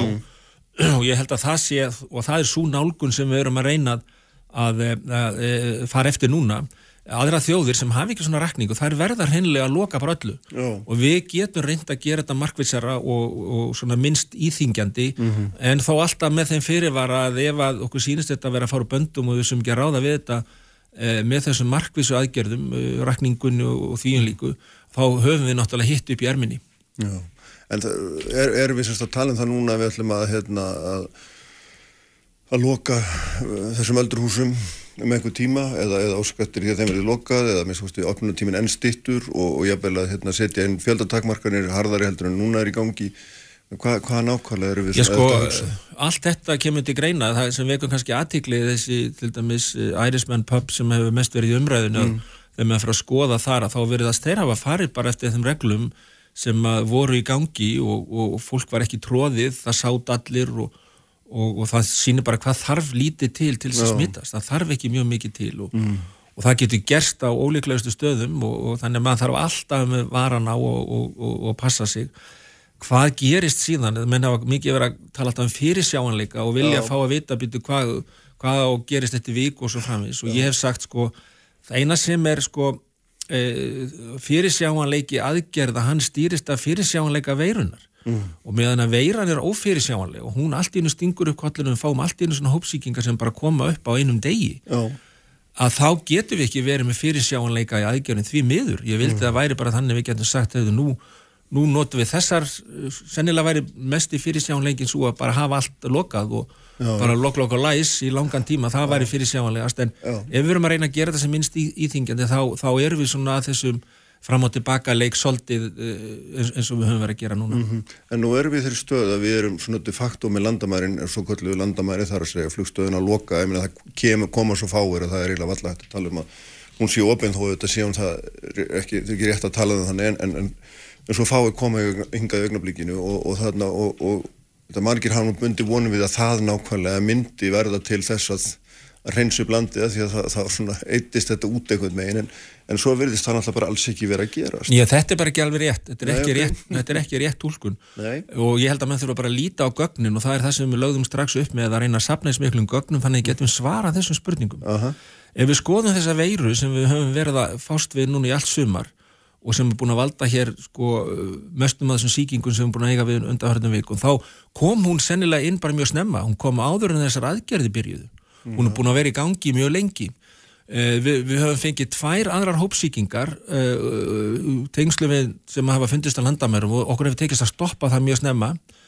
Við erum með þessa veiru núna sem að, sem að tengist hérna þessum stöðum þar að segja þessum öldurhúsum og við vitum hvenar hún þetta er ein veira með, mm. með einstaklingu sem kom við vitum hvenar það var en einhvern veginn og við vitum að þessir einstaklingar áttu erfitt með að fara til leiðbynningum í einangrun og sennilega hafa þeir náða að smita aðra og dreifst þessu svona mm -hmm. og svo er meira að segja, svo er annað afbreyði sem við höfum líka verið að, að sjá sem að er e, tengist selfossi og þar var viðkomandi fór í sínatöku og er bara á leiðinni frá flugvellinum þá tókst viðkomandi að smita út frá sér sem að, sem að tók smá tíma mm -hmm. við erum búin að finna um 120 veirur á, á skímanir á landamærunum mm -hmm mismunandi tegundur og það þarf ekki mikið ímyndanarafl til þess að sjá fyrir sér þó fengjum gera bara helmingin mm -hmm. af þessum fjölda inn í landið hvað við værum að eiga þá við núna -hmm. við höfum alltaf sagt þessar aðgerðir eru er til þess að lámarka það að veiran komist inn það er engin veira sem við höfum fundið sem hefur komist inn og geta staðfest að uh, hefur komist inn eftir þessi tvöfaldaskimun tók gildi. Þannig að ég held að menn ætti nú að horfa á þessa tölur og þessa staðrendi mm -hmm. þegar að þið fara að tólka það að að þessar skímanur og landamærum hafi eh, ekki skilan einu, við varum í miklu verra ástandi Já. ef við hefðum ekki verið með þessar skímanir, ég fullir það. Mm -hmm. Já, einmitt, en ég var svo mikið degast um það, ég bara velta fyrir mér hvernig þetta hérna, komst fram hjá að því ég hafði nú ekki hugmyndun að þessi veira var hérna síðan einhver tíman 1700 á súrskálkilur þannig en, en þannig að Já, það er bara þannig að sko, við náttúrulega getum ekki alveg tryggt það, er aldrei engin aðferð til Nei til þess að tryggja það að veiran komist ekki inn í landi. Það er alveg sama hvað menn gera, það alltaf, mm. verður alltaf einhver einhverja eh, einstaklingar sem koma inn einn skímun gera það ekki 20% af því sem við erum að finna á landamærunum eh, eru neikvæðir í fyrstu skímun og greina síðan eftir eftir fimm daga mm.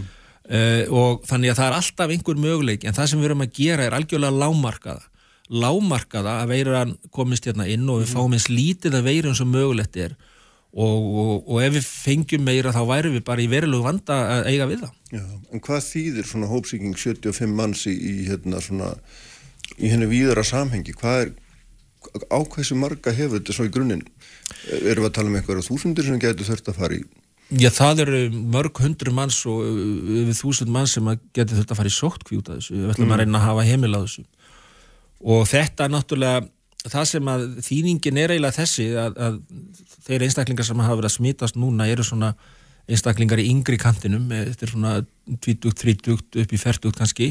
Meðalaldurinn er svona rúmlega 30 ár. Mm -hmm. þetta er öðruvísi samsetning heldur en var hérna fyrir í vettur þá voru eldri einstaklingar. Og ef við förum að fá mikið, mikla útbreyta síkingu og smit í þennan aldursóp bara í samfélaginu þá líður ekkit á laungu þannig að við förum líka að fá uh, smit í viðkvæma einstaklinga, eldri mm. einstaklinga og þá förum við að sjá þessar alvarlegu afleiðingar því að mm. það er engin eh, merki um það að veiran sé eitthvað vægar en núna heldur hún nú var eh, maður hefur kannski einhverja tilfinningu fyrir það og finnst hún vera það en ég og það er búið að spyrjast fyrir um þetta og það er engin ábyrgur aðili erlendis eh, eða innanland sem að -hmm. Fullir þið það að veira sig eitthvað vægar ég vildi að hún væri það og Já. þá getur við slaka frekar á. Já, við erum ekkit að fara að slaka ágrunlega og er, er, er, eru þið, þú og þið að fara að ráðleggja allir fyrirtækjum að senda fólk heim vinna heima, ríkur í mæli hvaða breytingar Jú, ég kom með það í gær og, og ég held að við ættum að gera það núna að það er fyrirtæki ætti að, að leggja það áherslu að fólki ætti unnið heima. Mm. uh, og skólanir ætti að leggja það meira áherslu á fjarkenslu og, og, og þá grímu nótkun innan skólana, þar að segja framhaldsskólar og háskólar mm. og um, við höfum líka ráðlagt núna grímunótkun til dæmis á tónleikum og, og leikhúsum þar sem fólk situr kannski nokkuð þétt saman þannig að þetta eru uh, vegna þess að nýjar vísbendingar sína það að, að grímunótkun ef að grímur eru notaða rétt að þá geta þar komið að gagni mm. þar sem ekki eftir að viðhafa þessa einsmetra reglu og, og kannski í aðstæðum þar sem að loftræsting er léleg því að það eru nýjar rannsóknir sem að segja það að lélega loftræsting getur stuðlað að loftbornu smiti og mm. þá geta, geta grímur hjálpað. Við erum alls ekki að mælast þess að fólk gangi með grímur bort á götu, ég held að það gerir lítið sem ekkert gagn. Nei, nei, maður séð myndir af, hérna, af ríkjum þar sem þetta greið alveg skildað, myndir í fréttanum á Spáni í gerð þar sem allir voru með grím út á götu. En, já, en, já, en það er svona kannski tóldi drastíst að það að fara fram á það, en þú talar um fyrirsjónleika aðan og það er auðvitað hérna, og, og réttlega þá er þessi veira ófyrir sjáanlega en, en hvað svona, þú rínir aðeins í kristalskóluna þannig að nú ser maður auðvitað hvað er að gerast við annar staðar og ég var með, fórstisráðana var hérna síðar, síðast fyrir viku og hún saði að bara meðan að smytur í gangi í útlöndum þá verður hér verða að vera sóttvarnir á Íslandi. Menna, hver, hversu langt nær þetta? Eða er faraldur í fátakra hverfunum á Índlandi eru við þá með hérna, ráðstafanur í Íslandi? Menna, hversu veit... nátengt er þessi, er þessi hlutir Sko við erum náttúrulega fyrst og fremst að, að líta á faraldurinn í nálægum löndum og þau mm. löndum þar sem við erum með mest samskipti við og, og líklegast að fólk komi þaðan. Við vitum að það er náttúrulega mikið að gerast í, í Breitlandi og, og í bandarækjunum og, og bandarækjunum það er náttúrulega lokað fyrir uh, farþega þaðan. Já, já. Eh, ég veit ekki hvað við erum að líta á langan tíma. Þetta veriðist ganga ansi hægt og þetta gengur svona hægt út af þessum aðgerðum sem að við erum að grýpa til. Við erum að fletja kurvuna, tegja hana niður eins og töluðum um í upphafi og ætlaðum að gera og leggja allt kapp á að gera það sem mest. Eh, það sem gerist eins og ég vetur að, að það gekk það vel að hún nánast hörkaðist út og Já. ég gerði mér alls ekki grein fyrir því að það myndi gerast. Ég held að við myndum hafa svona eh, viðvarandi mallandi síkingu í gangi og við myndum reyna að, að venda viðkvæma hópa, venda heilbríðskerfi og annað, myndum lámarka skadan af henni en okkur bara eh, gekk það vel að hún fór eiginlega í burtu og síðan mm. fengið hann afturinn og meðan að það eru svona fáir sem hafa síkst í samfélaginu, það er ekki þegar síðasta rannsóknum að gera þá er þetta kannski kringum 1% núna er talan sem eitthvað farið ofar, hún er ekki meiri það. Eh, þannig að meðan að svo er að þá er bara samfélagið mjög móttækilegt fyrir þessari veru mm. og þá er, segjum að þá er bara 20 stöðunni raun og veru, annarkort er að vonast þið til að veiran að slakni á henni, hún veiklist og það er ekki merkjum það er núna mm. eða þá við fáum bólöfni mm -hmm. sem að eh, hjálpar okkur örugt og, og, og, og virt bólöfni þannig getum bólusett sem flesta þannig að þá getum við farið að strúka um höfuðið aftur Já, einmitt. Þannig að við erum svona rætt áður og ég veit að það er svona ekkert í hendi auðvitað en sko hvað er svona það sem er í hendi er að þú ætlar að halda annan uppsingafund eftir haldið og hvað hérna hver verðar en að vera skilabóðin? Já, skilabóðin núna, ég held að það var alltaf spur, spurningi verið gæra á, á að skelli lás á að fara í harkalega aðgerð og það er bara að skipta skoðanur það. Sumum finnst að það er að gera það og öðrum alls ekki og svo eru fullt af fólki með allt aðra skoðanur og þar á milli og mitt hlutverk er að hlusta á þessar rattir og ég finnst mjög fínt að heyra menn uh, viðra sína skoðanur um þetta. Mm. og en endan þarf ég að taka ákvörðun og komið til og til ráð þeirra og, og það fellur ekki alltaf öllum og, og það verður bara svo að vera en mér finnst núna að við ákvaðum ekki að hingra aðeins og sjá, sjá til. Við höfum reynd að gera þetta eins mild eins og hægt er mm -hmm. ekki með ofmiklum fórnarkostnaði. Og ég held núna með það að verulega fækkun mér sínist að vera fækkun á fjölda tilfella frá því gær. Uh, við möttum aðeins að skoða það betur. Mm. Þannig að mér finnst ekki vera tilefni núna til að fara í harðar aðgerið heldur að halda áfram það sem við byrjum með í gær og sjá til.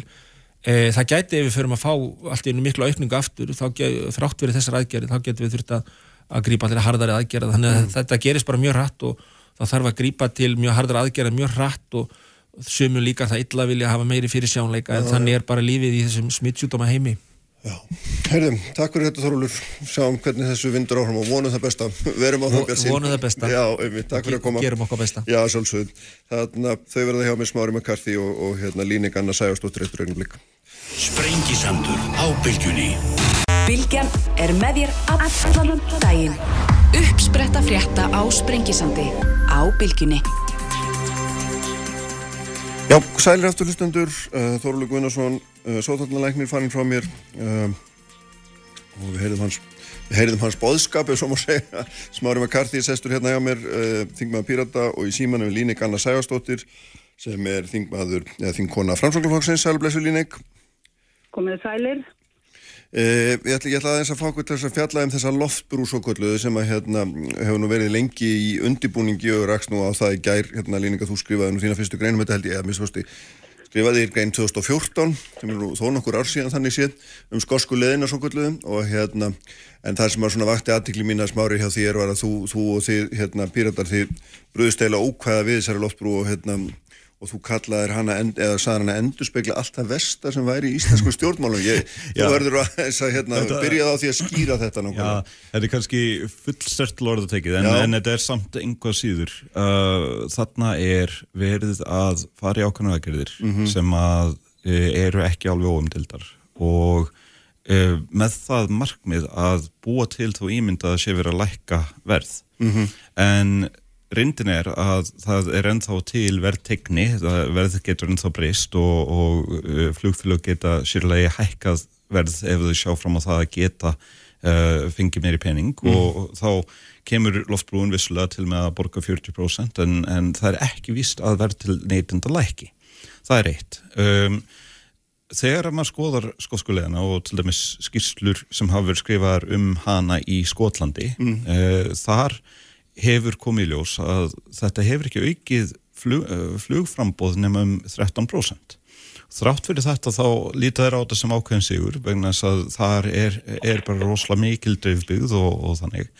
Um, þú er með mikið af eigum sem er ekki hægt að komast til með, með góðum hættu öðru sig. En þetta er samt gaggrínt þærlandi fyrir það að, að vera um, til dæmis að mismunna fólki sem býr á ákveðnum svæðum mm -hmm. hálendisins umfram aðra mm -hmm. en er hitt að í Skotlandi er þetta ekki eina aðgerðin sem er verið að gera til þess að gera flugsamgöngur ódyrari heldur er búið að ganga aðrar aðgerðir sem að við hefðum frekar vilja sjá sem að til dæmis eru að fellniður farþegagjöld og uh, satt, í rauninni mink allan kostnaðin við það að bjóða upp á flug þjónustu. Mm -hmm. Þetta er eitthvað sem að Ég, ég skil ekki af hverju við þurfum einhvern veginn að fara alltaf í þá leið að búa til einhverja mynd þar sem að, uh, jú, þú færð 40% öndurgreðslu en þú uh, lítil fjölskylda þarf kannski leggja út 90, 100, 120.000 kall til þess að komast eina færð fram til baka til Reykjavíkur og mm -hmm. fá sérn helmingin ja, 40% endurgreitt eitthvað tíðan síðar. Mm -hmm. Þegar að við gætum hafa gert reksturinn á fluginu sjálfu mm -hmm. ódýrari með því að breyta fyrirkomulega í gelda. Líni, hvernig bregstu við þessum? Raungaðferð, raungnálgun? Ég held að bara ég er algjörlega ósamála, ég get ekki verið meira ósamála því, og við erum kannski að byrja á því að huga því við hverju erum við að bregðast. Mm.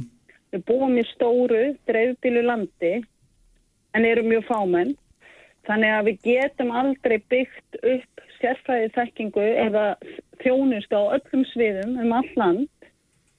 En það eru samt miklir almannahagsmunir því að allir landsmenn geti nýtt þá sérfræði þjónustu sem er til staðar í landinu. Mm -hmm. það, það er ekki bara hagsmunir þeirra sem búa fyrir vestan eða austan eða norðan. Það eru hagsmunir samfélagsins alls að við öll getum nýtt okkur bestu þekkingu sem til er á hverjum tíma hvort sem hún er í helbreyðiskerfinu, mentakerfinu, menningunni eða einhver öðru. Um, þannig að það, og, og eins og þú sagðir á þann, þá er þetta búið að vera lengi umræðinni, hvernig mætti leysa þessi mál mm -hmm. og fljóðlega eftir ég kom á þing 2013 þá sá ég það náttúrulega að það skipti mjög miklu máli að fyrir ákveðin svæði landsins þá væru litið á flugið sem almenningssamgöngur það er ekkit raunhægt fyrir til dæmis íbúa á Östurlandi að ætla að nýta sér einhvern annan annan hérna faramáta til þess að, að fara til dæmis í einhverja stuttaferð til höfuborgarsæðansins. Það, það tekur alltaf já. heila vinnudaga. En síðan langaði mér nú að koma inn á það sem smári var að benda á 13% aukning á fljóframbóði. Mm -hmm. Það sem er frábært því að samhliða einmitt eins og hefur verið bent á í Skotlandi þá hefur sætaframbóðið aðeins aukist það er náttúrulega ábyggveið innbyggt, aðhald í sagt, verð þróunina af því þetta er auðvitað bara hluti af þeim ferðum sem er að kaupa flugfélaginu sem er að, að njóta þessar loftbrúar uh -huh. áfram eru allt aðtunulífið að kaupa verði, flugið á, á því verði sem að, að flugfélagum bjóða. Og auðvitað margir aðri farþegar með að alveg sverðamenn þegar þeir fara að koma aftur. Mm.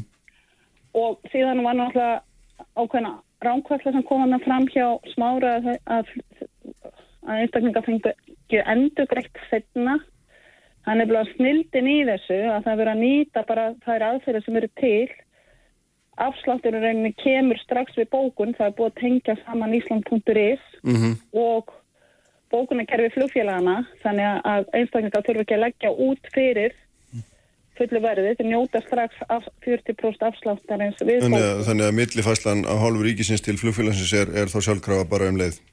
Já, bara leið og... En, Ja, það er en- Já, en byrju, aðeins, það er náttúrulega mikilvægt það sem varst að segja hérna líningum sko að hérna Sko þetta eru ekki allar ferðir, þetta eru þrjár ferðir á ári eh, fyrir einstakling sem hann getur fengið hérna uh, á lægra verði og, og þarna til þess að sækja sér ákveðna þjónustu, þetta er ekki eins og nefndin í atvinnu skinni og vantarlega ekki í, ég veit ekki hvort þetta er í afþreyingaskinni eða hvernig menn eh, hérna, geta greint þarna á milli. En það er þetta fyrst og fremst eins og nefnir verið að, verið að huglega eða hugsa um það að fólk geti sótt sér á skikkanlega verði þjónustu sem er ekki, eða sem er búið að flytja úr aflandsmiðinni eins og til dæmis læknistjónustu eitthvað slít sem er hérna erfitt að reyka út á landi en, en hefur þjappa saman hérna á höfuborgarsvæðinu en það er auðvitað grunnhugsunin í þessu er það ekki?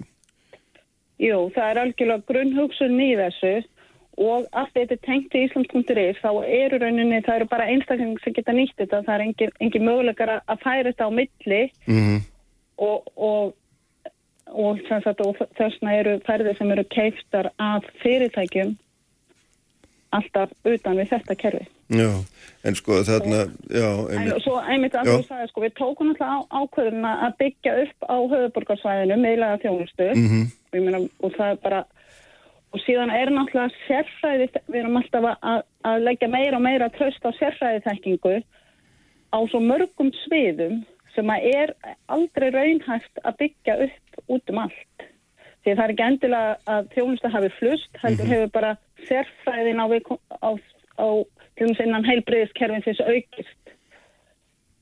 Nákvæmlega.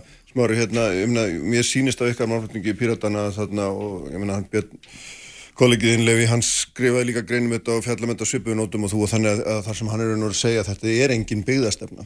Að ykkar mati þetta er bara hérna, enn ein leiðin til þess að þjappa saman þekkingu í höfuborginni og láta síðan landsbyðina sækja hana. Nákvæmlega. Og sko kannski bara byrja á uh, grunnatröðum sko við líningar erum ekki ósámála um það að, uh, að sko auðvitað þarf fólk að hafa aðgang að þessari þjónustu, auðvitað þarf fólk að, geta annarkvort fengið þjónustuna í heimabyggð eða, eða uh, komið í bæinn. Og það er ekki það sem við erum að deila um. Nei. Það sem ég er að gaggrína er, er það að í stað þess að finna leiðir til þess að gera flug ódýrara, þá er verið að finna leiðir til þess að, að einhvern veginn uh, láta það lít út fyrir að vera ódýrara þrátt fyrir það sé en þau jafn dýrt. Og visslega þá kemur ríkið á móti. Og frábært að fólk þurfi að skrá inn á Ísland.is til þess að geta borgað fyrir flugmiða eins og það sé ekki nógu mörg skref nú þegar. En, en ok, gott og vel flott að þessi tæknileg lausn. En það er ekki einfaldara að skoða lendingagjöld, stæðisgjöld virðsökkaskatt á flugvelelsniti um, öll þessi atriði sem að fyrir utan það að reglufarganið í kringum flugrekstur hefur aukist rosalega mikið á undanförnum áratugum. Uh, þar til viðbótar þá bara hreinlega var tekin pólitísk ákvörðun fyrir einhverjum árum að stopna í Savias uh, splitta satt, uh, rekstur flugvalla frá uh, frá leifisveitingu sem er jákvætt á sumu leiti en við verðum að viðkynna að, að svo tilraun hefur ekki tekist vel. Í stað þess að vera með uh, góðan flugrekstur eins og við vorum með í gamla daga munum, það er ekki nema nokkri áratögur sen að var áætlunarflug frá Reykjavík á Stikisholm mm veist, núna þá eru fullt af flugvöllum út um alland sem liggja ónotaðir það er fullt af fólki bæði á Östlandi, Norrlandi, Suðurlandi sem að hefur ekki valkostum flugferðir nema að komast í stærsta byggðalagið nálatsjér, Eilstæði, Akureyri, Eh, nú er ekkert áallanarflug fyrir Vestmannum lengur og verðum að horfa svolítið kallt á þetta hvers, hvers vegna breyttist það? Mm -hmm. Er það vegna þess að það hefur einhvern veginn farið, verið einhver afturför í flugtækni? Nei. Hefur allt orðið dýrara? Já fólk hefur ekki möguleika á því að nýta sér þetta og visslega þó er tæknin En er það ekki bara snjált að ríki komið til mótsu fólk að minnstu kosti hvað var það nöðsynlega ferðir? Jú, jú, en, en Já, ég- get, Já, já. getum við ekki samt í alveg horta eins á það hvernig við lækkum kostnaðin vegna þess að þetta snýst ekki bara um áallin flug stóru fyrirtækina, þetta snýst líka um það það litlir aðalega sjáu sér tæki frá markaði að koma inn og þjónusta litlar byggðir. Aha, Lýreng? Já, sko þarna er ég aftur mjög ósamála í grundvallaratriðum. Já, Í fyrsta lagi sko, flug, eftir því sem samgöngur eftir öðru leiðum en með flugi batna, þá leggjast ákveðni lendingarstaðir af. Og ég fagna því náttúrulega í hvert skipti sem að það er ástæðan fyrir því að, hægt að hætta flugi til einhver stað að samgöngur hafa batna. Það var til dæmis flóið innan Austurlands þegar ég var alast upp, þá voru, var, len- voru margi lendingarstöðar á Austurlandi bara til að halda upp í samgöngum við eigilstaði en sem betur fyrir hafa samgöngur batna þannig að fólk getur farið á milli á, eftir öðrum leiðum. Uh, þannig að því, því ber að fagna samgöngur hafa í heildina batna í landinu. Síðan langar mig að fara aftur í sko þessa, þessa, þessa umræðum af hverju er ekki byrjað á hinum endanum.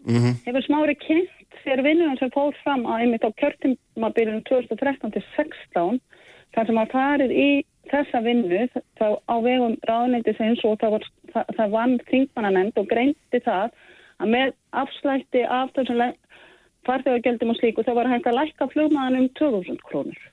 Það var allt sem hægt var að, að ná út úr því en því að lækka skattana og fella Já. niður gjöldin, þá var hægt að ná Þannig að 2000 þetta er krónum. bara komin inn í rauninni alþjóðaregluvesk, launatelt göld og slíkt sem að, í rauninni er ekkit að hendi sko, er ekkit hægt að fara í fyrir einhverja eina atvinnugrein frekar en aðra. Og í framhaldi af því hófst einmitt kom skoska leiðin inn í umræðina sem nú er orðin á loftbrú. Og það gerðist meðal annars vegna vinnu sem að fór fram á Austurlandi hjá Austurbrú sem að er, hvað við að segja, stofnun sem að- að vinnur að hagsmunum samfélagana á Austurlandi. Og, og, og, og, hefur stjórnvöld hafa síðan nýtt sér og þessi leið sem nú er orðin á loftbrú var samþygt í, á þingi í samgöngu áallum 2019 og aftur staðfæst á síðasta þingi með endurskoðari samgöngu áallum, samþygt á endurskoðari samgöngu Líning, Þannig að það er búið að fara í gegnum að þetta vinnur. aha. en er ekki, er ekki punktulín eitthvað þínum að að hérna um, því, því auðveldra sem við gerum fólki ef maður má orða það þannig að sækja einhverja svona þjónustu eða eigum að segja uh, gerum því auðveldra til þess að fara og sækja þjónustu eitthvað annað en í heimabæð þeim mun minni þarf verður fyrir hann að heimabæð og þeim mun, og þar með dregst sem sagt, þjónusta saman í grunninn og hérna verður alltaf svo auðvelt að fara eitthvað annað, ég meina þetta við getum tekið bara hérna, eða byggir jargung frá litlum stað þá hérna, þá líður ekki löngu þá ætla allir sækja verslun í gegnum jargungin á einhvern stærri stað og heimaverslunin hún deyr. En þetta er svona dæmi um, um þetta og, og þarna og í stað þess að fara einhverju aðgerði byggða aðgerði sem að miða því að flytja þjónustuna í einhverja kjarna út á landi þar vil fólki vera ekki satt þá, hérna, þá er þetta eiginlega bara svona uppgjafa leið og segir fólki að það, það er ekkit annað að gera en að fara bara alltaf söður, ef svo má kalla Í þessu er auðvitað sko, þetta er alveg sjónamið að þjónusta gregst saman mm. en, en sko í heldina aukast lífsgæðin og það Aha. er eitthvað annað og nýtt sem verður til í staðin. Það verður til einhver ný lífsgæði í staðin og, það, og þetta sko ég, það er bara hluti svona eins og mentun og líðhelsa til dæmis sem að þú sem er hægt að sækja sér sérfræðiþekkingu eftir mörgum leiðum. Það verður eitthvað nýtt til á stöðunum en það er líka auðvendar aðgengi að því sem er miðlægt. Mm. En sko við vitum alveg að tæknin gefur og tæknin tekur. Við vitum alveg að, að það að bæta til dæmis veg samgöngur milli byggða uh, dregur þörfina á öðrum tegundum samganguna. Við vitum líka að fjarskipti hafa uh, dreigið úr þörfina á, á fundum í einn personu og þetta er allt saman bara jákvægt. en horfum ekki fram hjá því að það hefur verið einmitt þessi miðstýringarstefna að, að reka alltaf fleiri og fleiri þjónustur úr höfuborginni að vera með færri þjónustu uh, típur út á landi og uh, þetta hefur gert það verkum að til dæmis uh, já, uh, í Vestmannum þar er ekki lengur fæðingarþjónusta í bóði mm -hmm. það er uh, skortur á, á lækna þjónustu, hún uh, bara er ekki hefna að upplifa áður. Að auki þá er búið að draga úr ímissa annar þjónustu og núna frá með fyrir nokkrum vikum er ekki eins og áætlanarflug í bóðið ángað.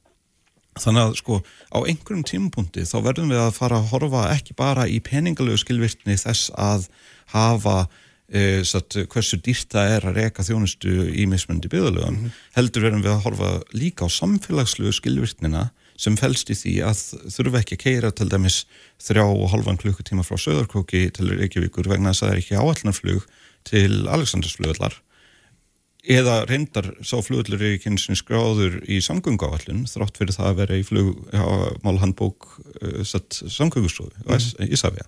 Þannig að fyrst, það, það er einhvern veginn svona, það, öllu dæminu er stilt einhvern veginn vittlustu. Það er ekki verið að, að, að setja no, nægt fjármagn í að byggja upp samfélagslega skilvirtni utan höfuborgarsæðisins. Mm -hmm. Og hún fælst meðal annars í góðum samgöngum en hún fælst líka í því að fólk þurfi ekki endilega að nota þær alltaf mm -hmm. og þetta er, sko, jú, það er alveg hægt að rífast fram og tilbaka um hvort að það myndi spara 2000 kall hér eða, eða 1500 kall þar að minka hinn og þessi gjöld en ef það er hægt að spara 2000 kall á því að fella niður ákveðin gjöld af hverju gerum við það ekki? Mm -hmm.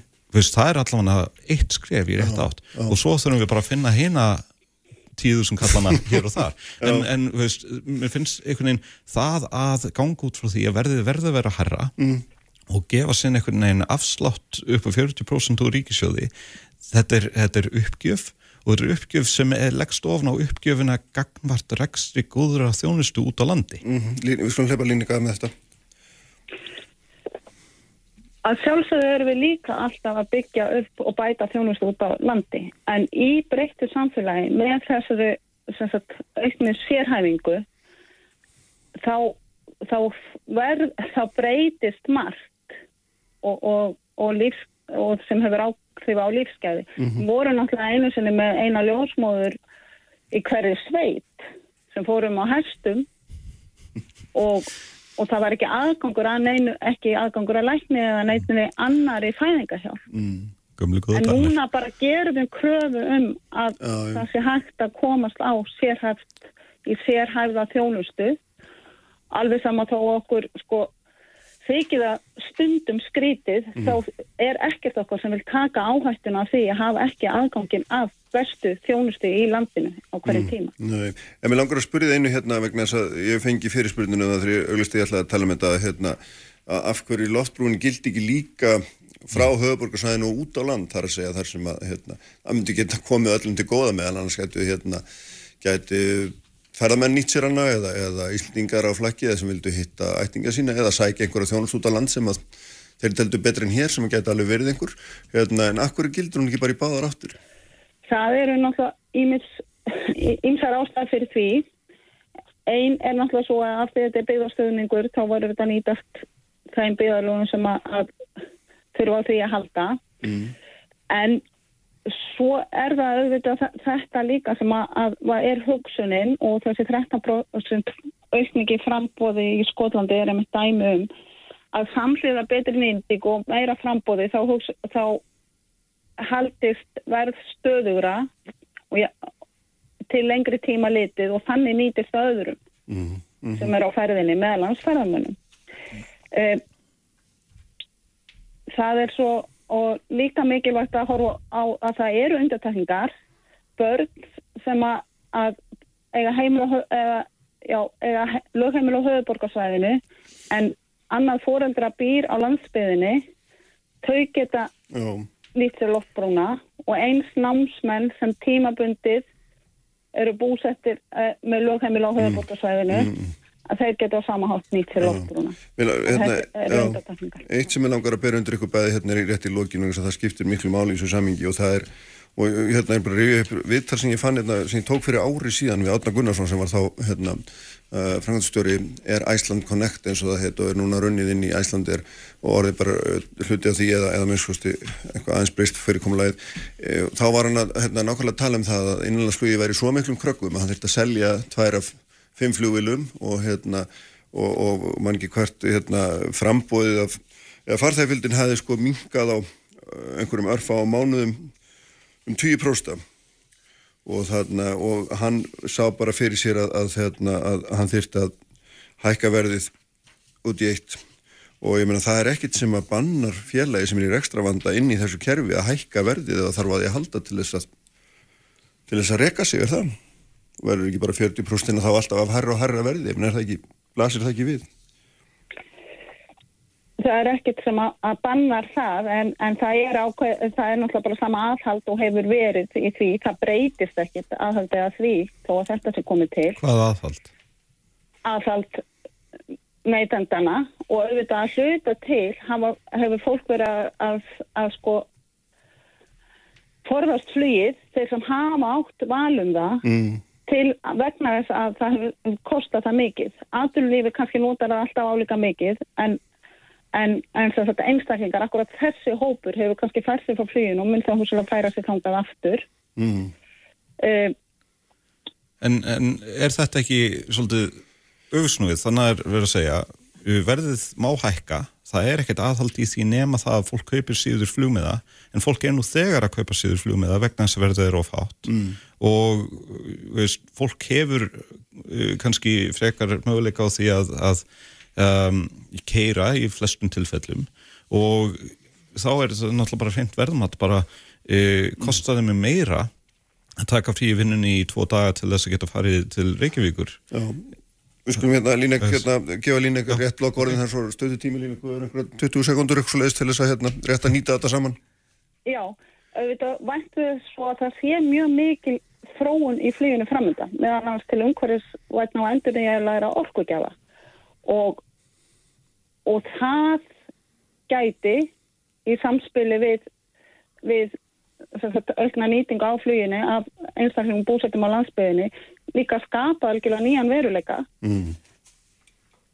og hvort sem að lendingarstöðum á eftir að fjölga eða fækka meira að þá, þá horfu, sko þá er rosalega mikilvægt að við séum alltaf á verð, verðum að sko tryggja það að þessi faramáti og þessi samgangukostur þróist í taktu við sagt, þarfið samfélagsins. Takk fyrir þetta Línek, hérna, takk fyrir að vera með okkur, takk smári fyrir að koma, verðum að láta þessu lokið í dag, þetta Ívar Jón Haldursson stýrði útsendingunni, allt efnir á bilgjum.is og vísi.is og reyndar er það þetta líka á Spotify, podcast á Spotify undir bilgjunni og hérna.